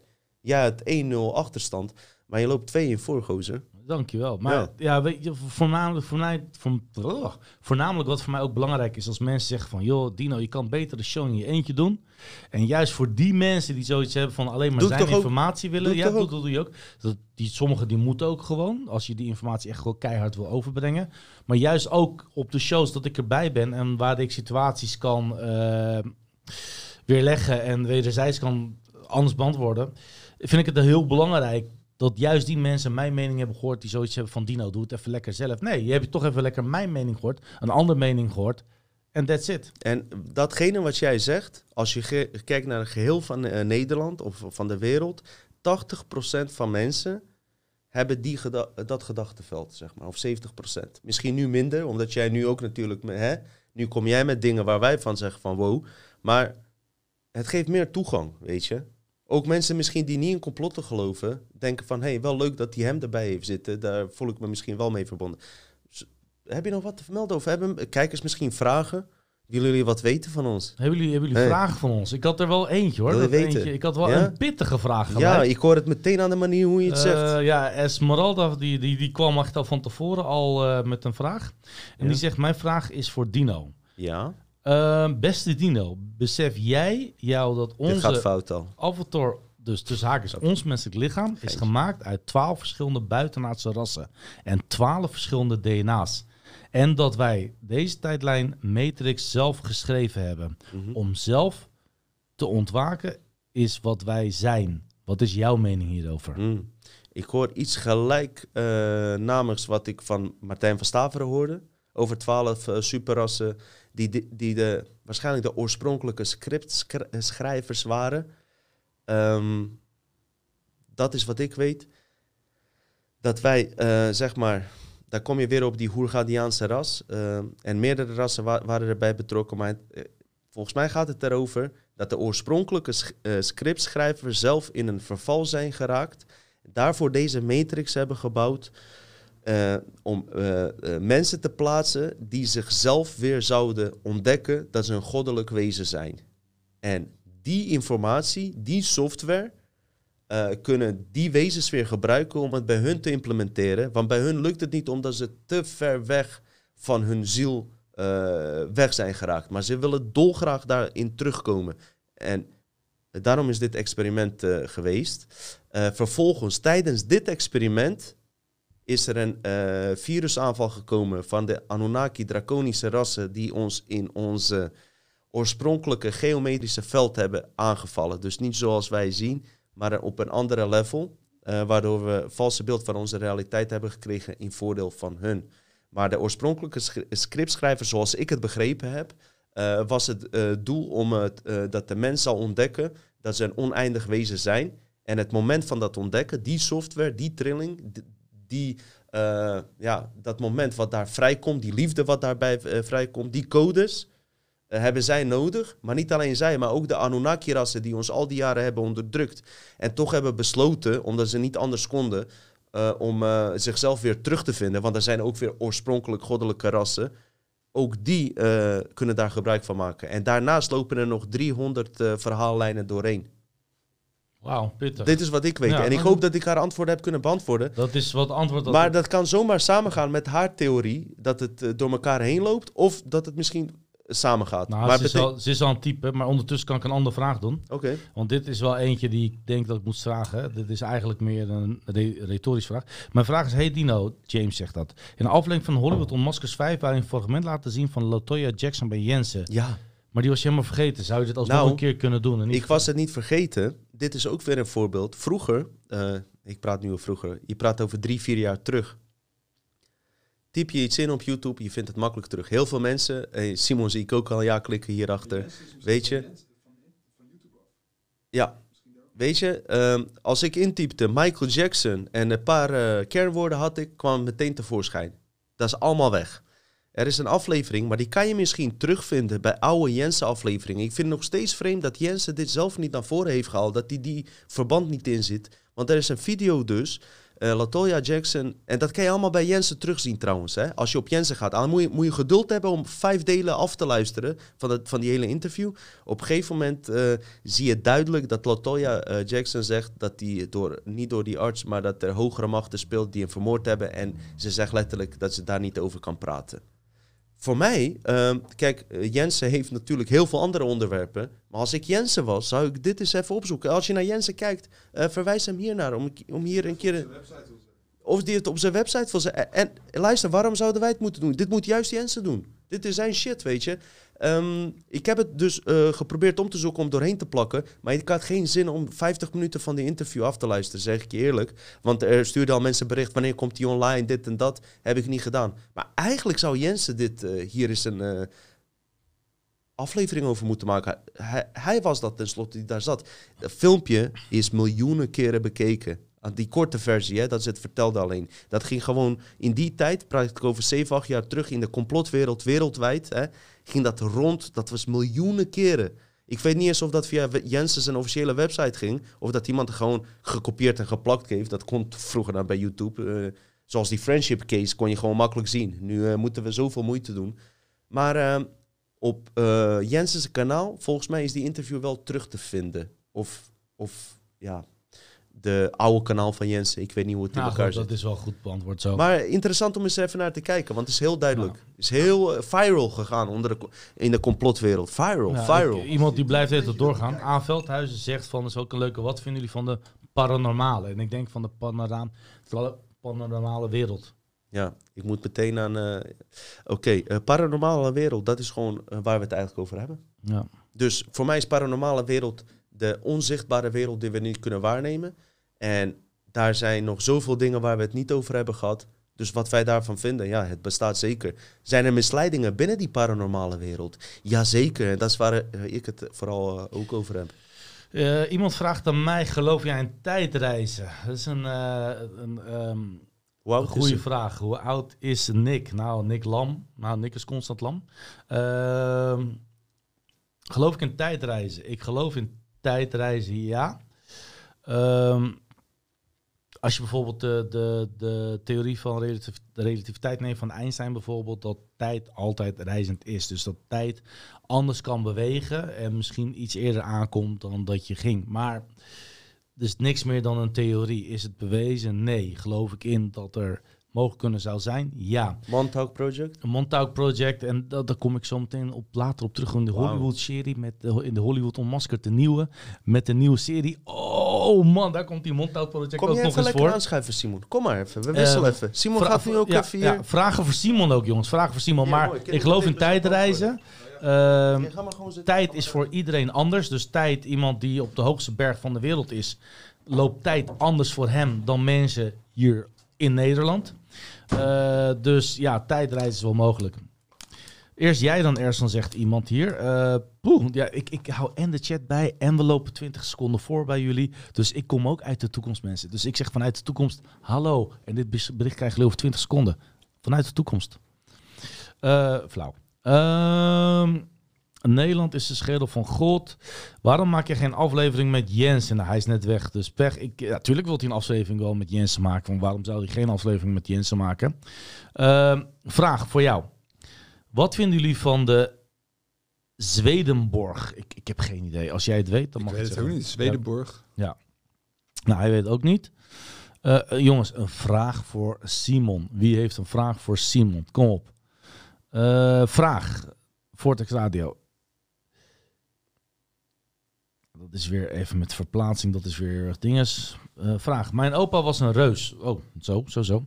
Verder allemaal relatief kleine mensen in de familie. Hij is ruim 100 jaar geleden geboren. Hij was 2 meter 5. Ik kan je één ding vertellen. Mijn opa was ook 2 meter. Eh, van mijn vaders kant. Maar van mijn moeders kant was ook 1,90. Voor de rest is ook iedereen klein. Heel raar. Mijn moeder is blond en, en blauwe ogen. Ik zeg altijd, ma, ik vind niet erg dat ik heel veel op mijn vader lijk. Maar waarom heb ik jouw ogen niet? Dat was leuker geweest. Maar goed, dat is hoe DNA werkt. eh, En dat is weer een ander, eh, ander ding. Simon, heb jij meer verdiept in Tataria? Go. Eh, ja, ik ben wel iets aan het voorbereiden, maar nu heb ik niet iets wat ik daarover kan vertellen. Nee, helemaal niks? Nee. Nou, nou dat, dat was het. Simon, heb jij de complot Jensen gezien? Complot Jensen? Ja, dat staat hier. Ja, gewoon Jensen. Ja, ja, ja laat maar. Oké. Kunnen niet mensen uitnodigen? Tuurlijk willen mensen uitnodigen. Als jullie mensen weten die heel graag bij ons... Kijk, ik krijg in de, in de, in de Telegram... Dino doet dat meestal. Ja, nee, Dino, maar komen. ik krijg ook heel veel aanvragen van Oké. mensen die heel graag naar de show willen komen. Mensen zeggen ook, Erzan, ik wil in de show. Net of ik ze ken. Nee, niks persoonlijks, ik probeer altijd eerlijk te zijn. Mensen, we hebben natuurlijk een stukje context. Die, die hebben mij vaker gezien, dus die hebben een soort van een connectie. Die vind ik prima. Maar ik kan niet van uitgaan wie in de show wilt en waarom in de show wilt. Als jij in de show wilt, probeer mij dan een stukje context te geven waarom. Wat je hebt gestudeerd, waar je kennis voor over hebt, hoe lang je het hebt gedaan en waar, waar jij denkt dat het interessant is om over te brengen. Net zoals nu de vragen hier, ik wil bij jullie in de show. We, hebben een hele eh, strakke schema. Iedereen van ons doet dit erbij. Dit is niet, eh, we, we zien, we krijgen, niemand is hier financieel gebaat aan bij ons. We vinden het heel leuk. Eh, we vinden het ook leuk als mensen kunnen komen, maar we hebben echt wel al, een strakke planning met mensen die eh, nog gaan komen en de, de, de solo-uitzendingen van Dino. En eh, nog de uitzendingen samen met alleen met Simon. Dus, maar als je bijvoorbeeld die jongen die we ooit hebben uitgenodigd, echt een hele toffe gast waar ik al echt al langer mee praatte voordat we hem uitnodigden, die ook laatst bij Sven is geweest. Stef? Stef.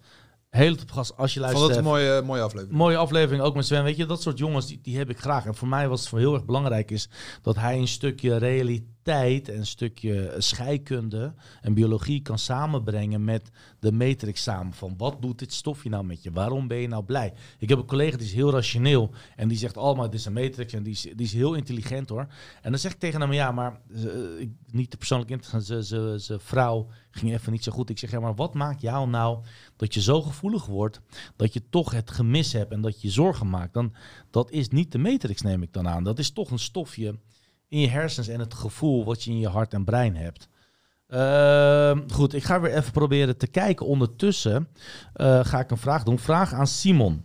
Simon, wat vind je van mijn, theorie, eh, van mijn theorie dat Michael Jackson als persconferentie als Jezus is gebruikt eh, en ze daarom hem opzettelijk van donker naar licht huidskleur hebben getransformeerd? Wow, wow. Eh, als Jezus hebben gebruikt. ja. Ik bedoel, in de zin dat er een discussie is dat Jezus eigenlijk een donkere man was in plaats van blank. Dat, dat, En dat hij wordt afgebeeld als een blanke. ja. Eh, Michael Jackson is geboren met een donkere huidskleur. Hij, ja, hij is wit geworden. Ehm, Je hebt wel meerdere donkere mensen die wit worden door. het is wel, ja, maar hij heeft wel echt operaties. En, Ja, hij heeft eh, zich laten versnellen en ook. Hij heeft zich laten versnellen, klopt, klopt. Het was wel toen in Hollywood ook van managers en zo. ook, eh, werd dat ook geadviseerd dat. Ja, dat in- was in- toen in- heel erg. werd ja. geadviseerd dat blanke mensen succesvoller waren of mooier eruit Dat is met Beyoncé eh, ook. Beeld en, Ja. maar Beyoncé. Ja, met Beyoncé is dat Is ook. die Ze, lichter geworden? ze, nou, ze, ze, ze verkleurt haar huid heel erg, zodat je niet echt kan zeggen of ze nou donker of licht is. Dus dat is. maar in 2021 is dat toch niet een. eh, Nee, nee, nee, nee, nee. Dat is zeker niet. Maar het is dat, niet dat- meer zo. Dat geval over Jezus bijvoorbeeld, Jezus van Nazareth, het zegt het al, van Nazareth. Als je kijkt naar Jezus in Zweden is het een blanke. Als je kijkt naar Jezus in Afrika is het een zwarte. Als je kijkt naar Jezus naar in, in, in Amerika is het een, een westers persoon. Eh, Jezus wordt overal afgebeeld als Maar ik snap persoon wel. waar ze het meest kunnen connectie kunnen maken. in landen eh, waar mensen met een bepaalde huidskleur wonen, die beelden Jezus af in hun huidskleur naar hunzelf. Ja, maar dat was Jezus van Nazareth zelf niet. Jezus van Nazareth zelf was een persoon uit Nazareth. Waar, hij was Joods en eh, hij had een andere visie. Eh, God die praatte tegen hem, geloof ik. En, ehm, en voor eigenlijk voor de, voor de Joden daar was hij eigenlijk een, eh een, een secteleider. Op dat moment. Ja, dat kunnen mensen ook van ons denken. Maar goed, dat is, dat is anders. Simon, Ja. vraag. Hoe zie jij de toekomst over vijf eh, of à tien jaar? En Weet je dat ik daar echt wel serieus eens over nadenk en dat ik niet eens één verder dan één jaar kan kijken? Dat ik gewoon echt niet weet wat ik over vijf jaar ga doen. Dat is gewoon eh, niet te doen. Nee, ja, Ja, het is, ik weet het echt niet. Kennen jullie de wet van Moore, jongens? De wet van Moore is nu een beetje ontkracht. De wet van Moore is dat technologie steeds twee keer sneller en twee, steeds twee keer kleiner wordt. Ehm, zo zag je met COVID dat ook in één keer de, de, de wereld kon veranderen. Maar mensen die uit de geschiedenis... Stel dat iemand uit 1800 naar ons kijkt nu. Die denkt van, is dit een verbetering? Denkt hij waarschijnlijk van niet. Ik had toen mijn land, ik had toen mijn vrijheid. Ik had toen geen belastingen. Ik had toen alles wat ik wilde. Had hij een stukje minder eh, veiligheid? Misschien had hij een korter leven? Waarschijnlijk. Wat wij over vijf of tien jaar kunnen verwachten is, denk ik dat... eh, ik denk persoonlijk dat de, de ruimtevaart steeds groter zal worden. Nog niet groot genoeg Dat dat, denk ik dan weer niet. elke, elke, elke mens het kan doen. Eh, maar, Nee, dat, sorry. eh, en dat, eh, dat, dat er, eh, ja, nee, dat is prima. En dat er steeds meer autonome auto's op de weg langzamerhand zullen gaan rijden. En vrachtwagens en eerst werkverkeer en daarna. Dat is de enige eh, wat, wat ik kan voorspellen. En dat, ja, denk ik dat er een, een, een, een, iets gaat gebeuren binnen de EU? Denk het ook wel. Ik voel wel wat aan dat er iets, eh, iets groots gaat gebeuren. Nu dat Engeland ook al weg is. Eh, en de geldencrisis steeds meer komen. En, maar goed, dat is, dat is alleen maar een gevoel wat ik heb. Dat is meer intuïtie. En ja, waar is de wereld zonder intuïtie? Door naar de volgende vraag, jongens. Ehm, vraag. Wat weten jullie over de makers van Call of Duty Element 115? Veel van de zombies en game modes hebben verwerkt. Er wordt ook over een Agartha gesproken. Weet je dat de laatste paar Call of Duty's heb ik niet meer gespeeld. Want op een gegeven moment toen Call of Duty voor het eerst op PlayStation 3 uitkwam, toen heb ik het echt heel veel gespeeld. Hadden we heel veel vrienden, Dino ook, allemaal mensen, allemaal tegelijk. Inderdaad, ja, daar gebeurden wel dingen. Ja, dat, eh, eh, ja. We hebben, eh, MK Ultra zit erin. Alles zit erin. Ja, ook eh, die clan tags en dat soort dingen. Op een gegeven moment had ik zes jaar hetzelfde spel gespeeld. Dus elk jaar koop je hetzelfde spel. Dus ik ben er op een gegeven moment helemaal mee gestopt. Dus met de laatste paar Call of Duty's ben ik helemaal niet eh, op de hoogte. Ik weet wel dat dat bedrijf zit helemaal vol met... hoe noem je dat? Subliminals, mind control en dergelijke, dat, dat zit er sowieso in. Maar dat zijn ook miljoenen bedrijven, weet je misschien wel miljarden. Dat, miljarden, daar- miljarden. Dan weet je het al. Er zit al gewoon helemaal een Maar die, manipulatie. die bedrijven die, die proberen je nu steeds meer te manipuleren, zodat je langer aan het spel blijft. Dat is echt heel verschrikkelijk. Eh, Vooral FIFA en dat soort dingen. Ze proberen alleen maar aan het macht te blijven. Het zijn gewoon grote Ja. corporaties, eigenlijk niet meer. Eh, Nienke van der Mare heeft nog een vraag. Hey Simon, probeer het voor de derde keer nu. Haha. Eh, maar wil je mij uitleggen hoe chakras zijn ontstaan door die godin? En of dit satanistische wereld komt? Maar eh, dan denk je dus dat ik weet hoe, eh, wat, hoe een chakra werkt. Daarom Maar, want je stelt het specifiek aan mij. En dan moet ik chakras gaan uitleggen. Wees een Dat- beetje lief tegen Nienke. Sorry, Ja? nou oké. Je zal vast een heel aardig meisje zijn. Ik weet niet waar, hoe chakras werken. Ik ben blij dat ik een beetje ervan weet. Wat, wat een interessant eh, feitje. eh, in Dragon Ball heb je die Goku. Die heeft zijn eerste vorm, die eh Kaioken of zo, wordt zijn haar rood. Daarna krijgt hij Super Saiyan, wordt hij geel. Daarna eh, komt er volgens mij Goku Black. Eh, er zit nog een keer een paar. Dat zijn de kleuren van de chakras, die die eh, één voor één doorstaat in die serie. De, ja, dat, dat komt ineens in me op nu. Ja, je G-chakra. Simon, heb jij je reeds verdiept in onderdrukking van de vrije energie? Onderdrukking van vrije energie, dat is gewoon het achterhouden. Denk, Alleen eh, al dat Shell eh, patenten eh, opkoopt van auto's die op water rijden en zo. Dat, dat is ook vrije energie. Gewoon, eh, het wordt gewoon altijd tegengewerkt. We mogen het gewoon niet hebben. Ja, denk, je- ik denk ook dat het wel echt een, een, een vraag is voor... eh, Goed, ehm, vraag aan Ersan. Mijn vraag is voor jullie allemaal. Weten jullie iets over gangstalking? Gangstalking. Ik heb daar toevallig laatst iets over gezien. Dat is een, eh, in Amerika is dat een bekend fenomeen. Je Ja. hebt dus mensen, eh, die lopen gewoon op straat. Op een gegeven moment worden ze gevolgd door mensen die kennen ze niet. Maar je wordt niet iedere keer door dezelfde persoon gevolgd. Iemand anders die neemt het over en die gaat ineens jou stalken. En dat is heel gericht op één persoon. Die persoon die vertelt aan zijn vrienden... ik word gestalkt door gewoon willekeurig mensen op straat. Die, die, die kijk je ineens raar aan of zo, of weet ik veel. En die vrienden die zeggen dan... ja, maar je bent gek, weet je wel. Maar die stalkers, het is iedere keer iemand anders. En eh, daar wil ik nog wel een keer wat over uitzoeken, ja. Gangstalkers. Weet je waar je ook steeds meer moet uit over uitzoeken over... ehm, Nou, die, ga- die gangstalker, dat is wel echt... Die, Oké, nou dat is een schrijf zijn wel echt Waar is je boek? die, ja, eh, mensen, hij- leuke vraag, goede vraag. Hij schrijft hem op in zijn boek en je weet hè, zijn boek is goud waard. Echt één regel tekst in zijn boekje is aan ons gelijk aan een A4'tje. Echt waar. Goed. is in het verleden iemand verdwenen? Eh, eh, bla bla bla. bla, bla, wat hier? Sorry? Ersan. ehm, nee jongens, nee, nee. Dit is allemaal... eh, Dat gangstalken denk ik trouwens ook dat, ook dat het een eh, psychologisch experiment is. Vanuit eh, misschien overheid of een of andere instantie eh, die een of ander zwart project heeft.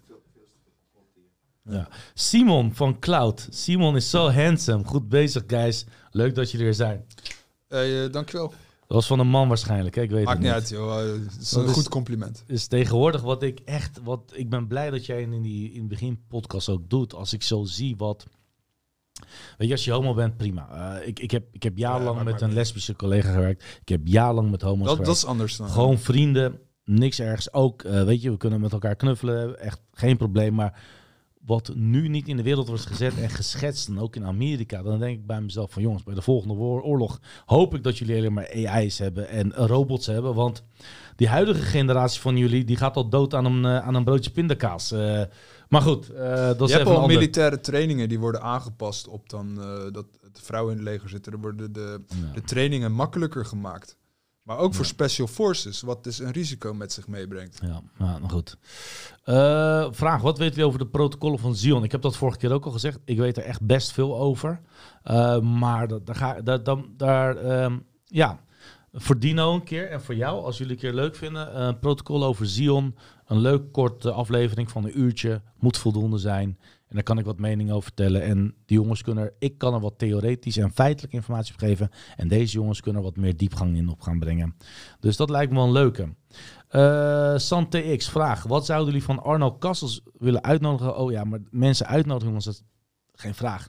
Stel de vraag echt aan ons, waar, wij, waar jij denkt dat wij antwoord op kunnen geven. En ik, ik begrijp dat jullie heel veel mensen willen hebben die bij ons uitgenodigd worden, maar probeer dat bij die mensen daar aan te kaarten van hey, ga een keer naar Dino of roep Dino een keer naar ons of eh, roep Simon een keer.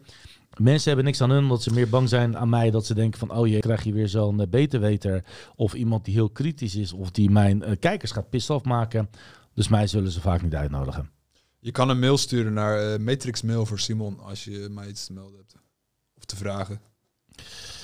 Ik krijg nog steeds goede mails. Ja, zijn jullie bekend met de Louise en wat uh, met Louis Vos en wat hij allemaal zegt over zijn Insta-stories. Ik heb geen Insta-mensen, hij ook niet. Uh, dan moet je bij dingen zeggen. Heren, ik ga slapen. Nick, Nick Lam, wees niet te lam. Wel te rusten, slaap lekker en een goede nacht. En kijk de aflevering nog een keer af als je daar zin in hebt. Uh, met gedachten kunnen we scheppen, bla bla bla. Wat zijn, zijn jullie bekend met de Lost Time Theory? John Levy YouTube-channel is een aanrader. Stanford, et cetera, et cetera. Ken jij John Levy? Nee. Nou, vraag voor Dino. Heb je al verdiept in vrije energie? Dino is er niet. Haha, dus nee. Kreeg ik net die vraag. Ja, dat kreeg jij net, maar jij kwam niet uh, Agartha. Wat is jullie mening over COVID? Jongens, moeten we echt nog COVID gaan behandelen? Ja, Denken jullie echt uh, wat, wat onze mening is over COVID? Ik denk dat dat wel duidelijk is. Hè? Ik heb uh, in aflevering 2 heb ik daarin gezegd dat het een gemanipuleerd, gemaakt virus is. En daar komt steeds meer op het nieuws terug dat dat ook zo is. Ik, mijn intuïtie zei toen al, ja. Die hebben we opgenomen in 2019, maart, maart 17, 17 maart 2019 of zo, die aflevering. Kijk die aflevering een keer terug. Heel saai, uh, maar ik heb daar dan gezegd. Maar ik dat denk is eigenlijk dat het uh, ietsje erger is dan de standaardgriep in combinatie met de paranoia van mensen en de verkeerde behandeling van het ziekenhuis. Weet je dat er echt heel veel... Kijk, er zijn nu minder doden gaan. Zijn er minder doden gevallen omdat we echt meer aan die maatregelen hebben genomen. Maar die virus die gaat niet over door de prik. Die virus, virussen in de, in de verleden hebben altijd, zijn altijd, oud, altijd overgegaan. Uh, er zijn altijd heel veel mensen aan dood gegaan, maar er is altijd weer weerstand opgebouwd. Voor een virus kan je niet gemakkelijk een antibiotica nemen, want dit is geen bacterie. Uh, de plaatsen waar niemand aan de regels houdt, daar zijn de minste besmettingen. Ja, goed. Ik wil niet mensen gaan stimuleren om bij elkaar te gaan komen nu. Ik wel. Ga ik gewoon ik doen ga wat er je even wil. heel kort in. Bij mij thuis, eh, mensen die willen het misschien weten, eh, is er COVID geweest. Ik weet niet of het de Delta-variant is geweest, of dus de Indiaanse variant, of de Wuhan-variant. Wij hebben COVID gehad thuis. Eh, mijn zoon is positief getest. Iedereen zegt afstand. Ik zeg, ik hou niet van afstand. Ik geef hem liefde. Ik, ik geloof erin dat er niets... Hij wil die prik niet. Ik ben hem gaan verzorgen. Ik zal je eerlijk zeggen, de eerste dag dacht hij echt dat hij kapot ging. De eerste dag had hij echt heel veel angst ook. En ook die testen en die zelftesten. Hij geloofde niet in. Hij, hij zegt, rot op met die prik. Ik hoef die prik niet. Maar het, het was geen pretje, mensen. Het, ik zal je eerlijk vertellen... eh, we zijn elke dag aan de vitamine C geweest. We zijn aan de vitamine D geweest. En misschien heeft dat ons ook wel geholpen. Mijn smaak was volledig weg. Gewoon, je proeft iets, je voelt niks. Je, je proeft niks. Je eet, je, je hebt er geen trek meer in. Je hebt pijn in keel, je voelt je niet lekker. Het was gelukkig een milde variant. Eh, iedereen kan zeggen van, het is bullshit. In aflevering 2 heb ik al gezegd dat het een gemuteerde virus is dat is ontsnapt. Ik denk dat ik die ook heb gehad. Ik, eh, eh, mijn zoon die is positief getest. Ehm, het was geen pretje, maar het was ook weer zo over en dat is ook weer klaar. Ik ben daarna nog in heel veel ruimtes geweest. COVID, ik zou ook wat vertellen over Turkije, over mijn reis. Man, zelfs mijn familie. Ik heb zelfs ruzie gehad in mijn familie in Duitsland, in Turkije. Wat er niet een scheiding komt met nichtjes die boos worden dat ik niet word ingeënt en andere nichtjes wel. Jongens, die hele tering COVID, die zorgt gewoon voor scheiding binnen in de families. En dat, dat neem ik het meest hatelijk. Mijn vader die geeft mij gewoon nog de hand, terwijl hij het het meest te vrezen heeft. Maar hij wil mij voelen. En die man die heeft bijna weer opnieuw kanker genezen. En eh, nu kloot zo heeft hij MRSA. eh, eh, een bacterie die niet gemakkelijk weggaat of helemaal niet weggaat. Maar goed, dat is een ander ding. Ik kan je één ding vert- vertellen. De eerste dag dat hij ging stappen, hij ging gelijk stappen. Hij denkt, fuck it. En bam. Eh, hij was gelijk goed ziek. En ja, geloof ik dat hij het heeft gehad? Geloof ik dat die virus er was? Zeker wel. Geloof ik dat die virus gemuteerd is en gemaakt is en ontsnapt is uit het laboratorium? Ja, dat geloof ik ook. Nou, dat was mijn verhaal. Doe ermee wat je wilt. Goed verteld, Hersan. Ik hoop dat het met je vader goed komt en alles. Sterke man. Weet je, we proosten deze op hem. Op. Zo'n te veel emotionele bullshit. Leven gaat zoals het gaat. En eh, wat ik van Ersa weet en zijn vader, die heeft gewoon scheid eraan, weet je wel. En eh, misschien is dat ook het ding, don't give factor, van eh, bang zijn voor de dood. Daar gaat het uiteindelijk volgens mij over, die hele angst. We, we weten niet wat er na de dood gebeurt. En eh, dat heb ik in de podcast ook een beetje met Rolf Nuis, die afleveringen en zo, weet je wel, doorgenomen. Met het Monroe Instituut, die daar hele mooie onderzoek op hebben gedaan van wat er na de dood gebeurt en, en alles. Ik denk dat als je dat onderzoekt en eh, even goed bij jezelf binnenvoelt, en dat doen jullie ook, dat, dat draag je instinctief met je mee uiteraard. Dan heb je een heel ander de- gedachtenveld van mensen die alleen eh, via de Darwin-theorie op deze wereld eh, functioneren en op andere manieren. Dus ik denk uiteindelijk gaat het om gewoon gaat het over angst voor de dood. Geloof je in leven na de dood dan, Stan, eigenlijk? Poeh, eh, ja. Ja. Ja, ik geloof dat er een vorm van energie vrijkomt. Oké, oké. Wat ik nog zelf even aan toe wilde voegen. Ik was op vakantie geweest. Ik had wel meer dus tijd om reacties te lezen en alles. En nogmaals bedankt dat jullie elke keer voor mij opkomen. Elke keer als iemand mij dist, er zijn niet veel mensen, komen jullie voor mij op. Hey, hartstikke aardig. Niet te hard wezen, weet je. Gewoon normaal. Gewoon normaal. Probeer gewoon wel, als je, als je dat al doet, gewoon goed te onderbouwen. En meesten doen dat ook wel. Bedankt daarvoor. Weet je, dat we voor elkaar klaarstaan. Oké? Ik verwacht niet dat je elke keer met mij eens bent of dat je alles moet verdedigen, een en al. Eh, ik kreeg een eh, bericht van, eh, en Ersan heeft er ook net op geattendeerd. Ik heb twee PCR-testen gehad. Eén keer heb ik het verteld, begin uh, in de eerdere afleveringen, begin van de COVID. Ik heb last eens in de tw uh, twee jaar van keelamandelen, niet van iemand pijpen of zo, maar gewoon, uh, gewoon een infectie op een andere manier, oké. Heb ik al van kleins af aan. Ik kreeg die, ik kreeg die shit weer, ja. het doet fucking veel pijn, oké. Ik bel de arts. was net begin COVID, hè, praat ik het over. Nog, nog, nog voordat uh, iedereen in die complot shit terecht kwam.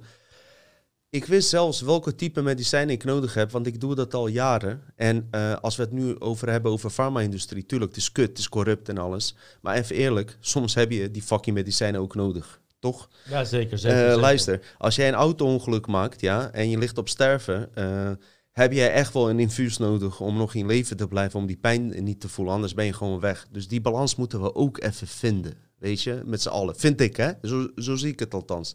Je kan wel elke keer zeggen van, ja, medicijnen hoef ik niet en alles. Eh, wacht maar tot je in de situatie belandt dat je bijna doodgaat. Dan heb je ze nodig. En misschien dienen ze daarvoor.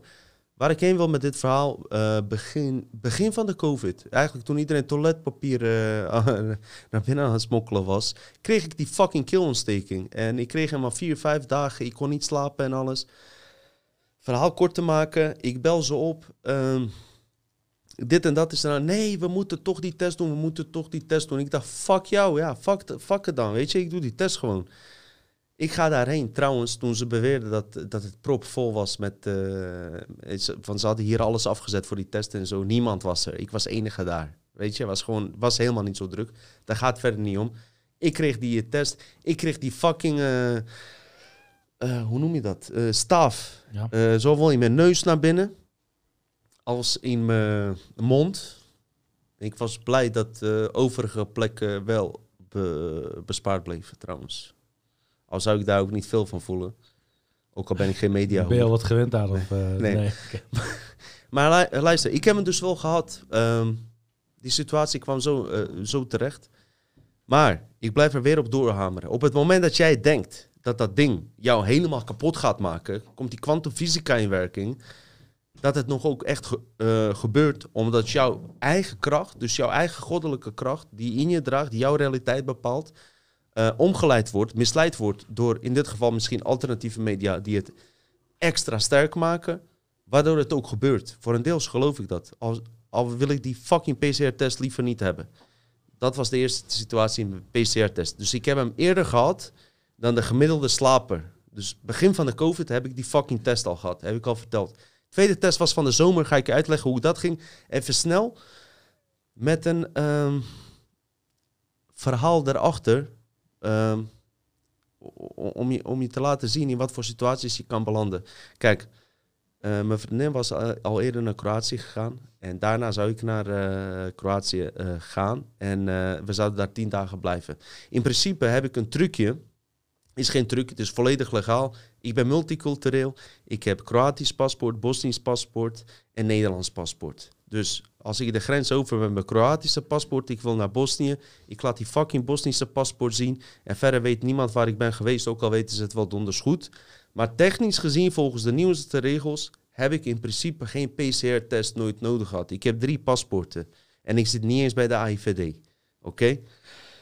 Maar wat gebeurt er? Omdat we tien dagen in Kroatië eh, moesten verblijven, komen de programma's. Dat zijn de programma's die, die eh, eigenlijk eh, hele onschuldige programma's die je eh, toch nog toezetten om die test te doen. Dat vind ik niet erg. Ik heb het ook doorgehad. Mijn moeder met alle beste bedoelingen, die zegt... Ik ga hier heel snel doorheen hoor, want het is niet zo boeiend. Die zegt van... ehm, als jij die test niet doet, ja... En aan de Kroatische grens vragen ze erom dan is mijn eh, vrouwtje en die kleine zijn er de dupe van. Moeten ze 40 graden daar in eh, Kroatië, eh, moet je daar alsnog die test gaan doen. Dus ging ik twijfelen van, ja, vind ik wel weer fucked up voor hun. Moet je alleen aan jezelf denken. Dus toen bedacht ik bij mezelf, luister, ik heb één regel. Ik ga die fucking test doen, maar ze komen niet verder dan hier, bij die paar neusharen. Hier, verder komen ze niet. Willen ze verder gaan, dan doe ik die test niet. Dus dacht, dacht ik, hebben we gewoon een middenlijn. Wat doe ik? Ik ga bij de fucking eh, GGD. Hele applicatie shit. Hele ding eromheen. Ik had liever nog mijn anus willen laten zien. Want dit wat ik moest laten zien was nog veel openlijker. Oké. Goed. Hele fucking shit applicatie. Ik, ik had er al toen al spijt van. Maar goed, oké. Ik ga naar die test. Snel opstaan, s ochtends. Bam, bam, bam, bam. Ik had, niet, ik had wel door, sorry. Ik ben in die Dutch Matrix grijze shirt. Ben ik naar die test gegaan. Boeit verder niet hele controles, dit en dat. Bij de parkeerwacht zaten een paar ASO's eh, die helemaal niet corona geloofden. Dus ik zeg tegen hun, ik zag al aan hun, eh, zij staan aan mijn kant. Ik zeg, hé, hey, wat doen ze daar binnen? Hij zegt, ja, even met hun babbelen en ze komen alleen tot hier en niks aan de hand. Je moet gewoon goed aangeven waar je achter staat en klaar. Parkeerwachters, oké? Die, die eh parkeershit in de gaten hielden. En ik zag aan hun, eh, zijn gewoon onze mensen, weet je. Gewoon ah, fucking ASO's, snap je? Ik ga naar binnen. Eén meisje, best wel eh, student. Gewoon eh, zo'n modern meisje en een jongen. Hele aardige mensen. Ik kom binnen, ik maak twee grapjes en ze moesten lachen. Ha, ha, ha, gezellig. Ik dacht, ik heb ze te pakken. Dus op een gegeven moment, die gozer komt, die komt met een fucking staaf. Ik zeg, luister gozer, ik moet je even wat uitleggen. Ehm, het is niet nodig dit voor mij. Eh, ik heb het niet letterlijk zo gezegd. Ik zeg, de gevolgen van die staaf die jij in mijn neus gaat douwen, zijn erger dan die COVID zelf. Zo zei ik het, op die manier, oké? Dus die jongen raakt ineens in de war, terwijl we daarvoor zogenaamd vrienden waren. Hij zegt, ja, maar hij moet er helemaal in. Ik zeg, nee, want mijn arts heeft gezegd dat op het moment als jij hem helemaal erin duwt, ja, dat de gevolgen gewoon groter zijn. En dat, weet je, van mijn immuunsysteem dit en dat. Hij zegt, nee, sorry, ik moet toch hier eh, even iemand anders erbij halen. Hadden die een hogere arts erbij, die kwam erbij. Dus ik zeg, ik heb last van simedullicum, eh, is mij aangeleerd dat ik dat moet zeggen. Weet ik veel, een of andere infectieziekte in je keel. Zij zegt, nee, nee, maar dat, dat kan gewoon. En, eh, je, je kan, dat werkt hier niet tegen. Ik zeg, luister, ik doe het niet. Als je wil, tot hier, gewoon hier zo. Niet verder, anders doe ik hem gewoon niet, weet je, zei ik tegen haar. Oké, zegt ze, dan doen we een kindertest bij je. Hebben jullie daar wel eens van gehoord? Een kindertest hebben ze dus ook. Ik zeg, oké.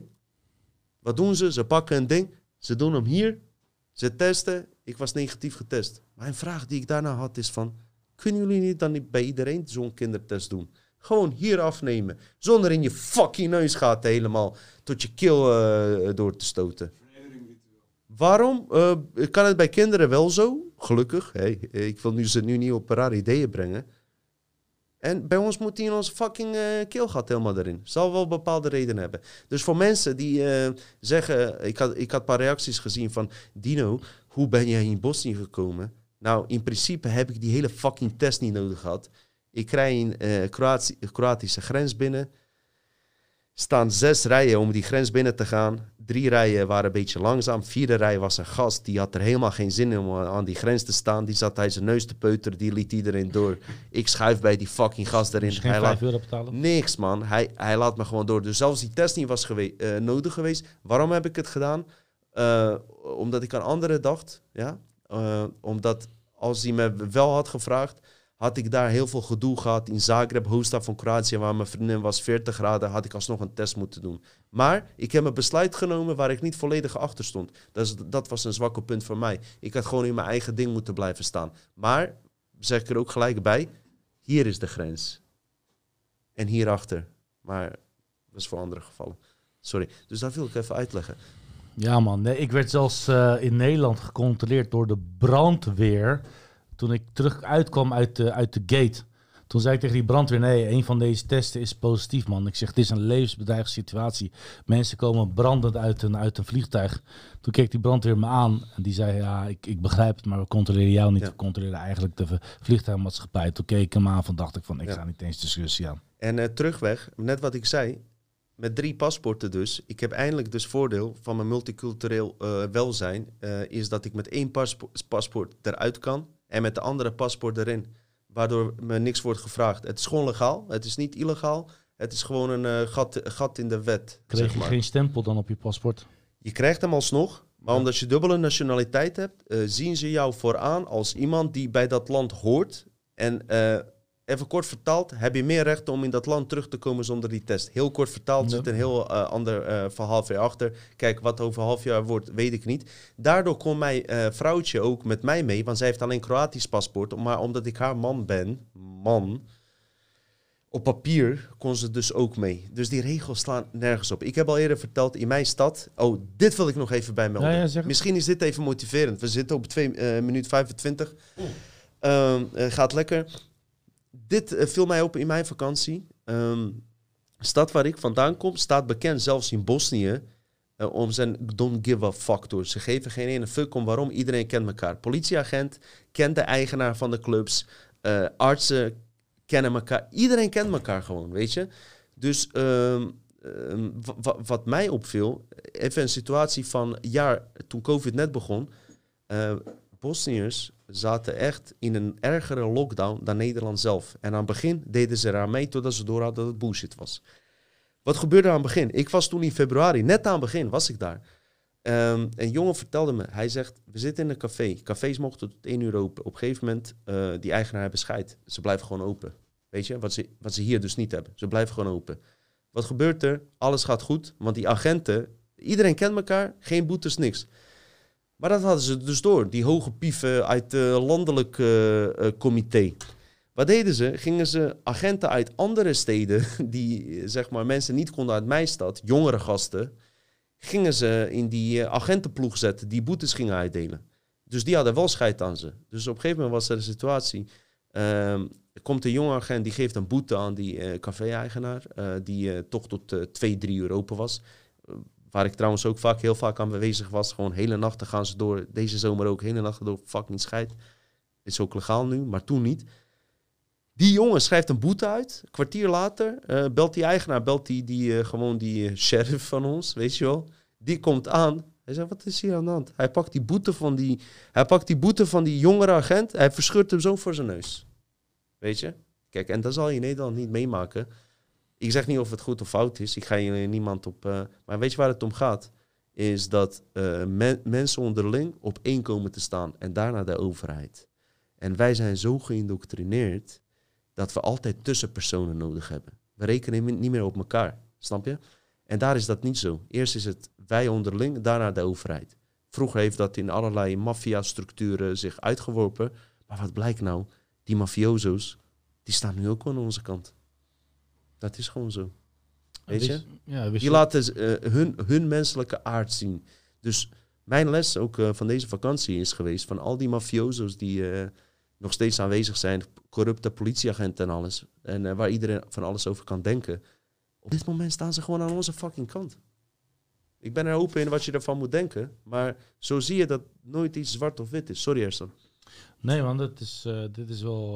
de- hun hebben ook natuurlijk hun voordelen aan dat. eh, Het zijn dat- hun tent dat- ook. Ja, het is hun tent ook. Dus hun hebben ook heel veel voordelen aan dat het weer zoals normaal is, natuurlijk. Dus Ja. dat, dat klopt ook wel. En alleen zeg maar bedrijven zoals Lidl of Duitse bedrijven, internationale bedrijven, daar moet je een mondkap op doen. Voor de rest doet niemand er wat aan. En wat blijkt nou? Van heel fucking Balkan, onze stad heeft minste besmettingen. Terwijl alles open is. Alles is open. En ook daar weet je, tuurlijk zijn er coronagevallen en zijn er mensen wel echt in ziekenhuisbedden beland met echt zware eh, lasten. Die ik zelf ook heb gezien. Ik heb met artsen gesproken die ik volledig vertrouw. Die zeggen ook, die gevallen zijn er. Die gevallen zijn er zeker. Maar eh, wat wij hier hebben verloren, denk ik, de laatste 20, 30 jaar, is loyaliteit onderling. Ja? Onderling. En we zijn bang, veel te bang voor de overheid geworden en veel te afhankelijk voor de overheid. Eh, hypotheken. We zitten allemaal, ik ook hè. Eh, deze man ook. Simon niet, die is de slimste gozer hier. Eh, we zitten allemaal eigenlijk, we zijn afhankelijk, weet je. Ik heb ook een fucking hypotheek. We zijn allemaal slaven van geld. Ja, we, we zijn erbij betrokken. Want als ik geen hypotheek neem, hiervoor betaalde ik 1400 euro voor een woning, huur. Dus neem je een hypotheek. Je wordt ertoe gedwongen. Eh, vandaag sprak ik een glazenwasser. Hij heeft een dochter van eh, 16 jaar. Ze wil geen vaccinaties nemen. Absoluut niet. En eh, ze, ze weet wat er speelt. Ze voelt dat ze het niet moet doen. Maar ze gaan, eh, binnenkort gaan ze naar een eh, trip naar eh, Rome. Met al haar vriendinnen. Eerste trip. Ik weet hoe dat is al, al- als je jong bent. En, en dat je gewoon mee wil doen. eh, meedoen in de samenleving en alles. En eh, zij, is dus, zij mag dus niet mee als, als, ze die prik niet neemt. Ik ga ook En ik heb vandaag met die man gepraat, weet je. Is een hele slimme gast, hè, glazenwasser. En eh, weet je, hebben we het echt over gehad van... Ja, hoe ga je dat op een normale manier eh, eh, met je dochter over praten... zonder dat je haar aanvalt dat ze het niet mag doen. Want als je dat doet, doet ze het juist wel. Dus dan moet je ook dus weten hoe je daarmee omgaat. En dat, dat is nog een klus. Ik ben blij dat mijn kind pas vijf is. Ik zou ook nog goed moeten nadenken hoe ik daarmee om zou moeten gaan. Hoe ga je daarmee om eigenlijk, Ersan? Die van jou is 21? Nee, die van mijn oudste is 19 en die, eh, die wil absoluut geen prik. De meeste van zijn vrienden hebben wel prik. Wat maar ben jij wel niet ik dan? eh, gaat jou niks 19 aan. jaar, man. Ik ben zelf ben ik eh, 23, maar Zijn zoontje is jonger, hè? mijn jongste zoon die, die gaat ook met heel veel jongens om die, waar hun vaders in goede kring en ouders in goede kring. Die zijn dokters, laboratorianten, biologen die zelf medicatie maken, zelf voor een bedrijf werken die ook vaccins maken. Die, Ersan hun- woont even tussendoor, echt eh, ehm, ja, in een luxe buurt, om het zo maar te zeggen. Eh, het is een, eh, nou, dat niet, geen villa-wijk, maar hij zijn wel huizen van zeg maar half miljoen, beetje zo, om je een idee te geven. Eh, Hij woont in een nette wijk, zeg maar. maar, Ik ja, weet niet wat ze s'nachts doen en zo. Meestal doen ze vieze dingen, dat soort mensen. En zo. Maar goed, dat is een ander verhaal. Maar mijn zoon die gaat dus met kinderen om waarvan hun ouders gewoon echt wel... Weet je, er zijn rechters. Mijn, mijn, ik kwam een keer op schoolplein dat, dat hij zei van... U bent de vader van hem? Ja. En ja, ik vind het prettig, maar eh, ik ben daar niet zo van... En toen bleek het eh, rechter te zijn. Toen dacht ik, oh jongen, als jij een iPhone gaat jailbreken... ga dan niet de, de kind van, de, van een rechter... eh, ja, de iPhone jailbreak. Maar goed, de- deze jongens waar mijn jongsten mee omgaan, die mensen in het laboratorium maken zelf ziektes tegen Alzheimer en hebben ook geholpen aan een team in, in, in Leiden die vaccins maken. En die hebben hun eigen kinderen wel ingespoten met deze vaccin. Die mensen weten echt wel wat ze mee doen. En die, Mm. weten, eh, die gaan echt niet hun kind verkopen aan de duivel, zoals mensen het gaan zeggen. Weet je, ik, maar is dat Ik- niet, als ik even tussendoor mag zeggen... Misschien even linken aan eh, dat aangesloten worden op een netwerk. Dat je dus zelf niet doorhebt dat je in het systeem zit... en dat je denkt dat je het goede doet. Want anders ga je je kind ook dat niet precies, geven. je gaat nooit je kind zomaar doen. Dit zijn mensen Toch? die heel dus veel... die geven. mensen denken dat ze het goede doen. Net als diegene die die prikken geven. Precies. Oké. Precies. Ehm, ik, ik hoef zelf die prik niet omdat het nog echt in een zware experimentele fase zit. Kijk, ik- toen ik vroeger naar het buitenland... Ik ben heel veel naar Zuidoost-Azië geweest. Toen zei mijn dokter van... Luister, je hebt die prik niet nodig. Toen mijn neefje... Toen kreeg die, die SOA, toch? Nee. Eh, toen, toen mijn neefje werd, moest geprikt worden griep, ik heb mijn zoon wel ingeënt, maar mijn neef, de dokter zei tegen ons allemaal, ook tegen mijn broer, van "Ah, het hoeft niet. Mijn neefje heeft niet gedaan. Ja, mijn zoon die heeft wel wat klachten aan overgehouden. Echt fysieke echt klachten. Wat Dat- doet je zoon nu, zeg maar? Wat heb Mijn je jongste zoon, maar nou, nee, hun willen allebei de, de prik niet. Niet. En er is geen enkel gevaar voor een jong volwassene of voor een kind. Geen enkel. En Ja. alleen dat ze misschien oudere mensen kunnen besmetten. Wat voor mijn vader niet uitmaakt. Die wil liever de laatste knuffel dan de rest van zijn leven Klopt. nooit meer zijn kinderen knuffelen. Dus eh, voor ons is het heel duidelijk. Maar ik ken mensen die heel hoog opgeleid zijn. Die laboranten die zelf medicatie maken en hun kind wel zelf injecteren met dat spul.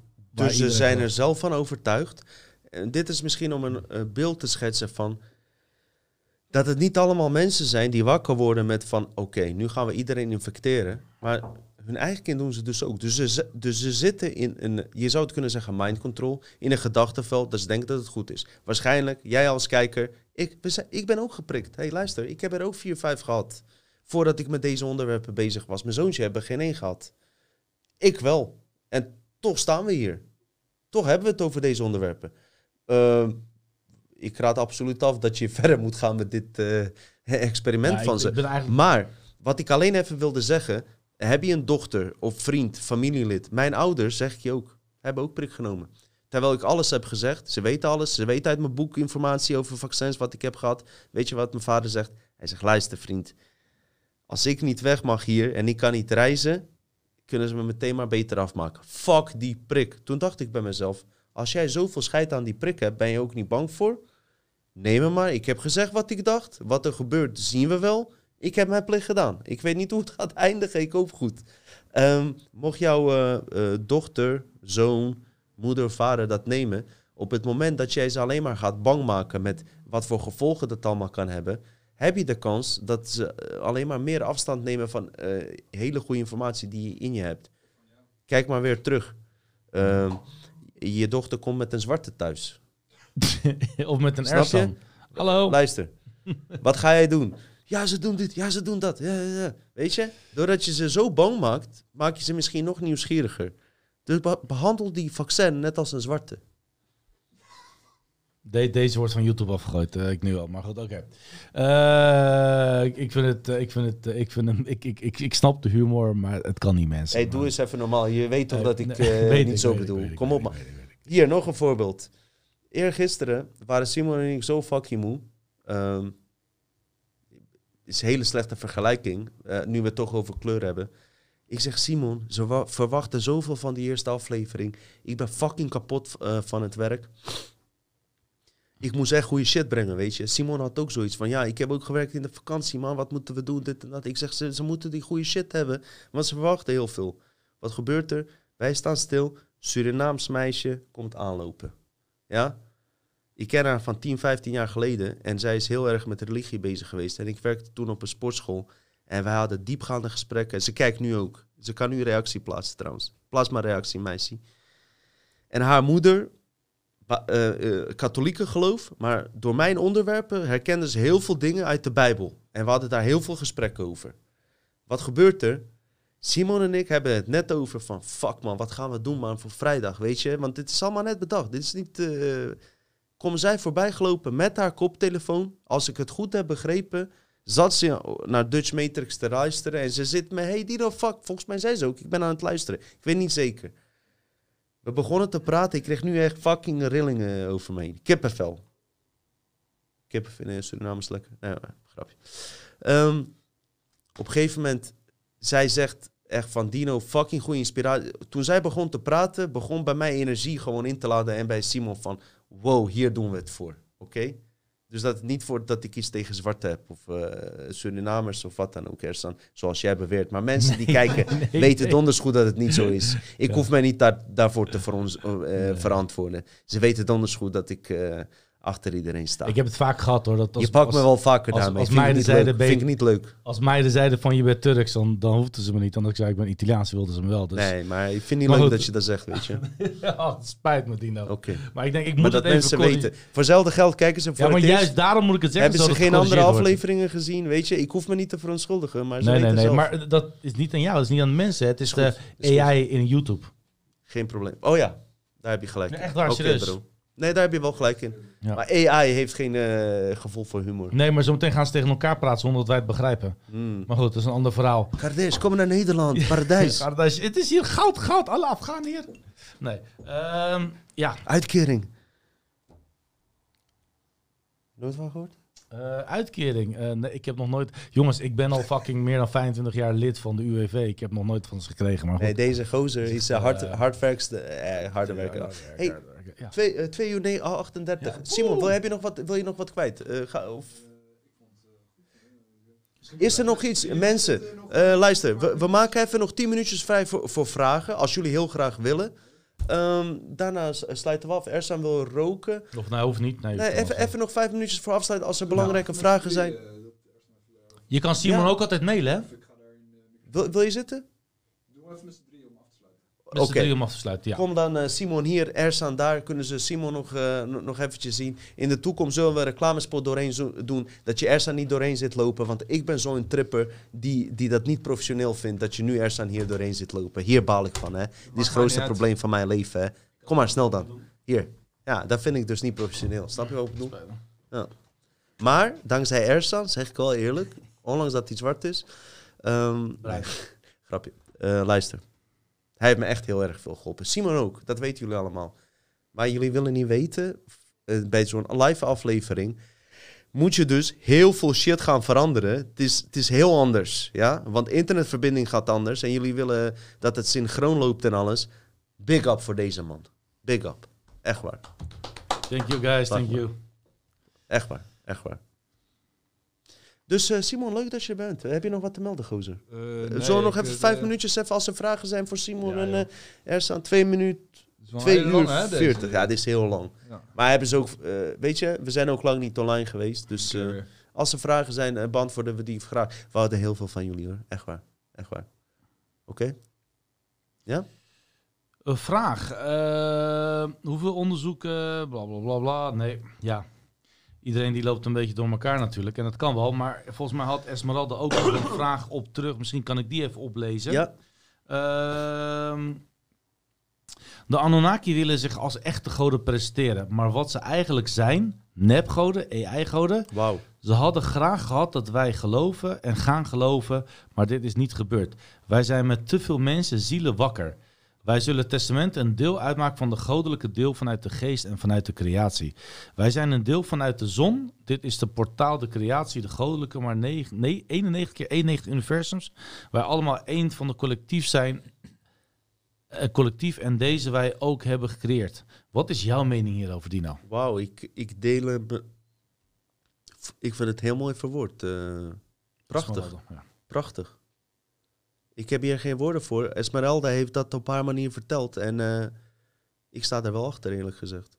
Oké, Alleen die zon, eh, zodra die zich binnen jou bevindt, dus die innerlijke zon, dan sta ik er helemaal achter. Want je hebt ook een matrixzon die buiten staat. Maar hoe je het hebt gezegd en hoe hij het overbrengt en die trilling, die veld die naar voren komt, ben ik volledig mee eens. Esmeralda, bedankt.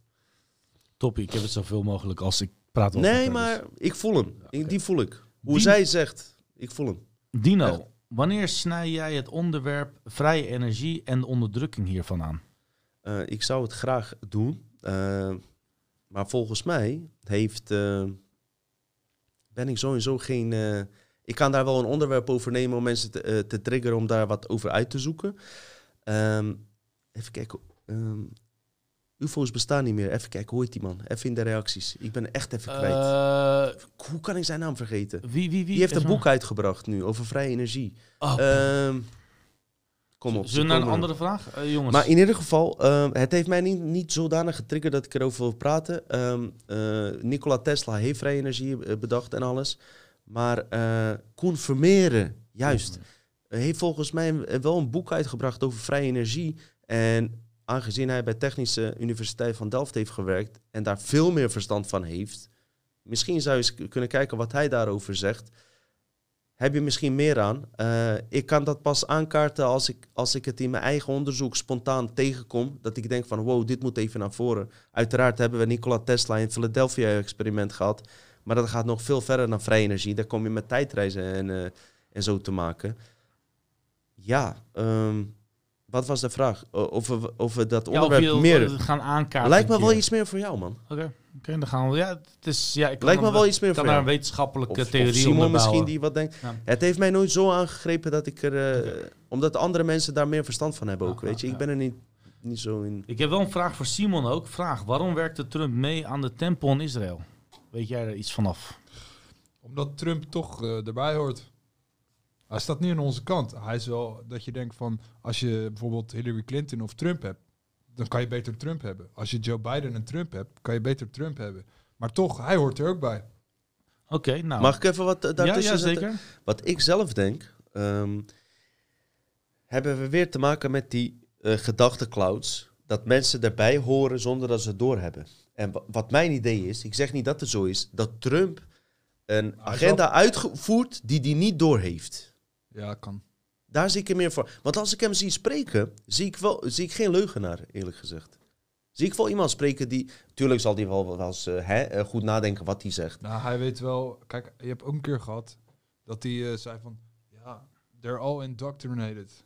En dan had hij zo'n heel menigte voor zich. Maar dat was dan nog net te horen dat hij dat zei. Hij weet wel dat, dat sommige dingen die hij zegt, dat het ook bullshit is. Dat er ook bullshit Ja. tussen zit. En Maar- dat weet hij gewoon. Er was één moment dat ik, eh, toen ik voor het eerst aan Trump eh, begon te twijfelen, want ik stond ook achter QAnon eerst aan het begin, hè, toen QAnon net eh, was en zo. Op een gegeven moment ging het over vaccinaties.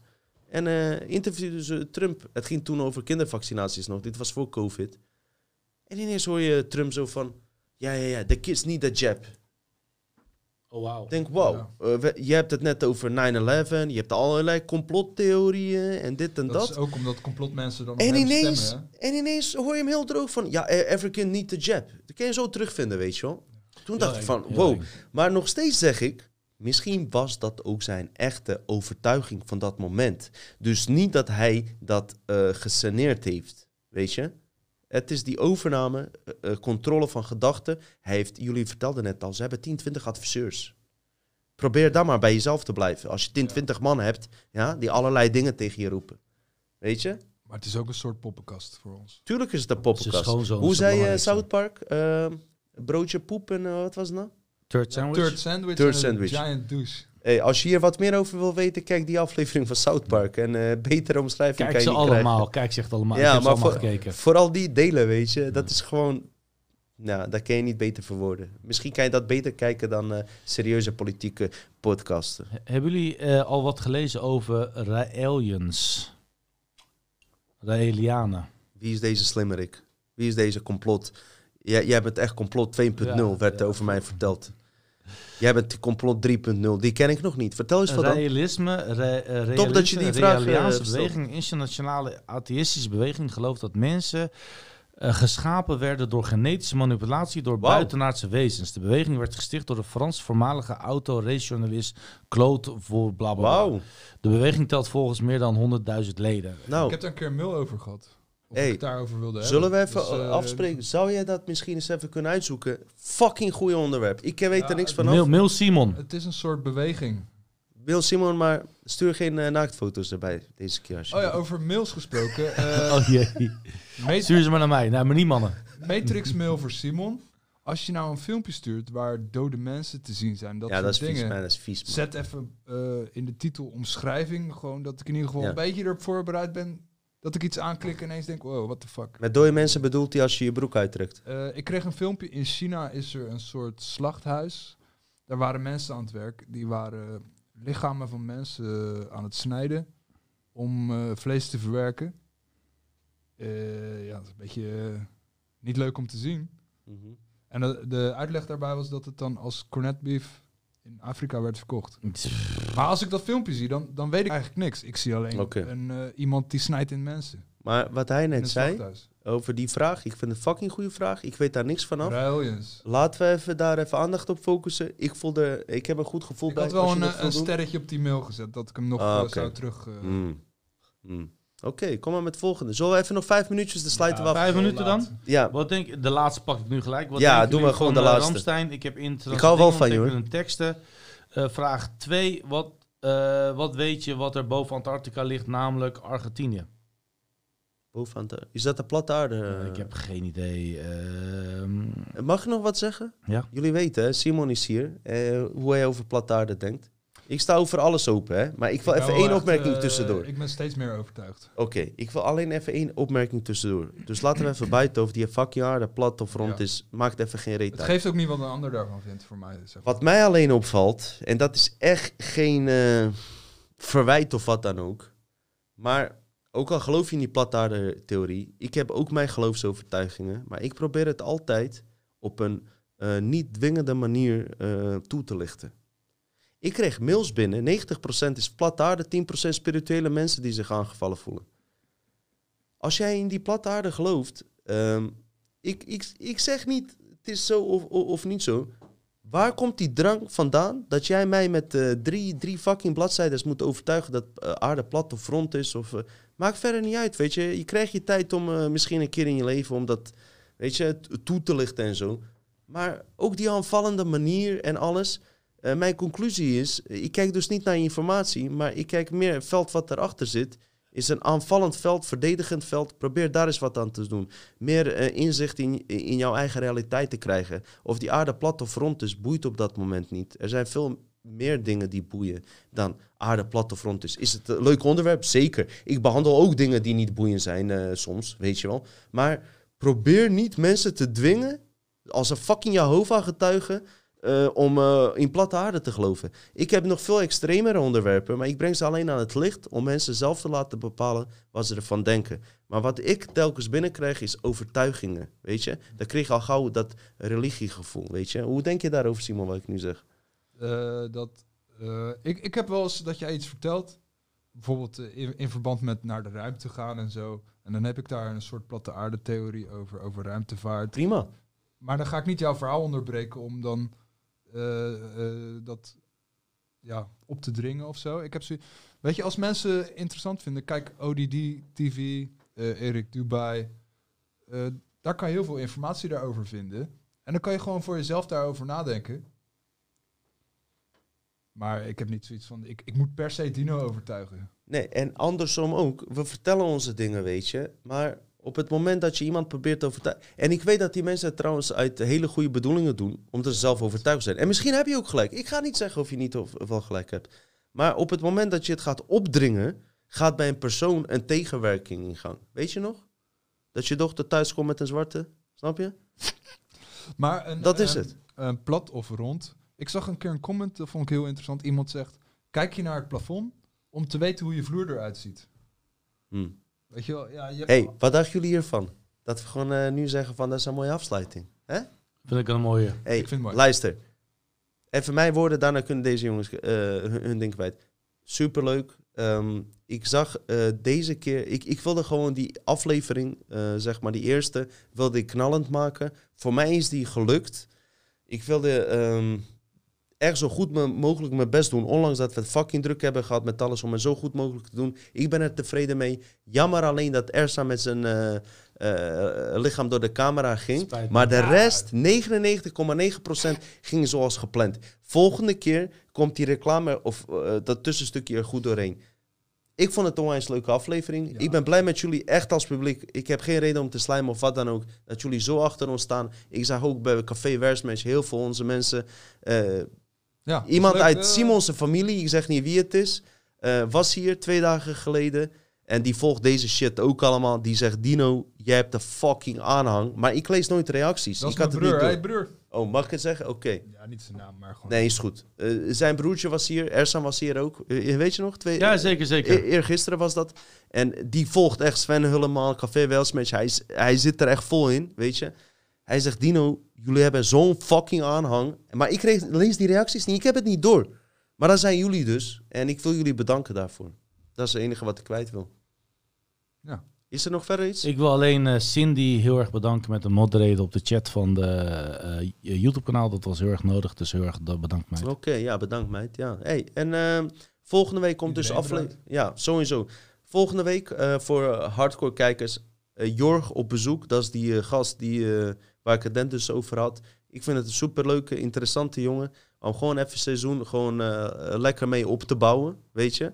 En eh, daarna zien we wel wat er komt. We maken ook geen plannen. Afleveringen komen altijd op het moment zelf. Wat voor energieveld heerst er, dat droppen we. Dus we doen niet eh, drie weken van tevoren afleveringen maken en dan eh voorbereiden. Nee, we gaan nu echt meer van wat heerst er in het veld.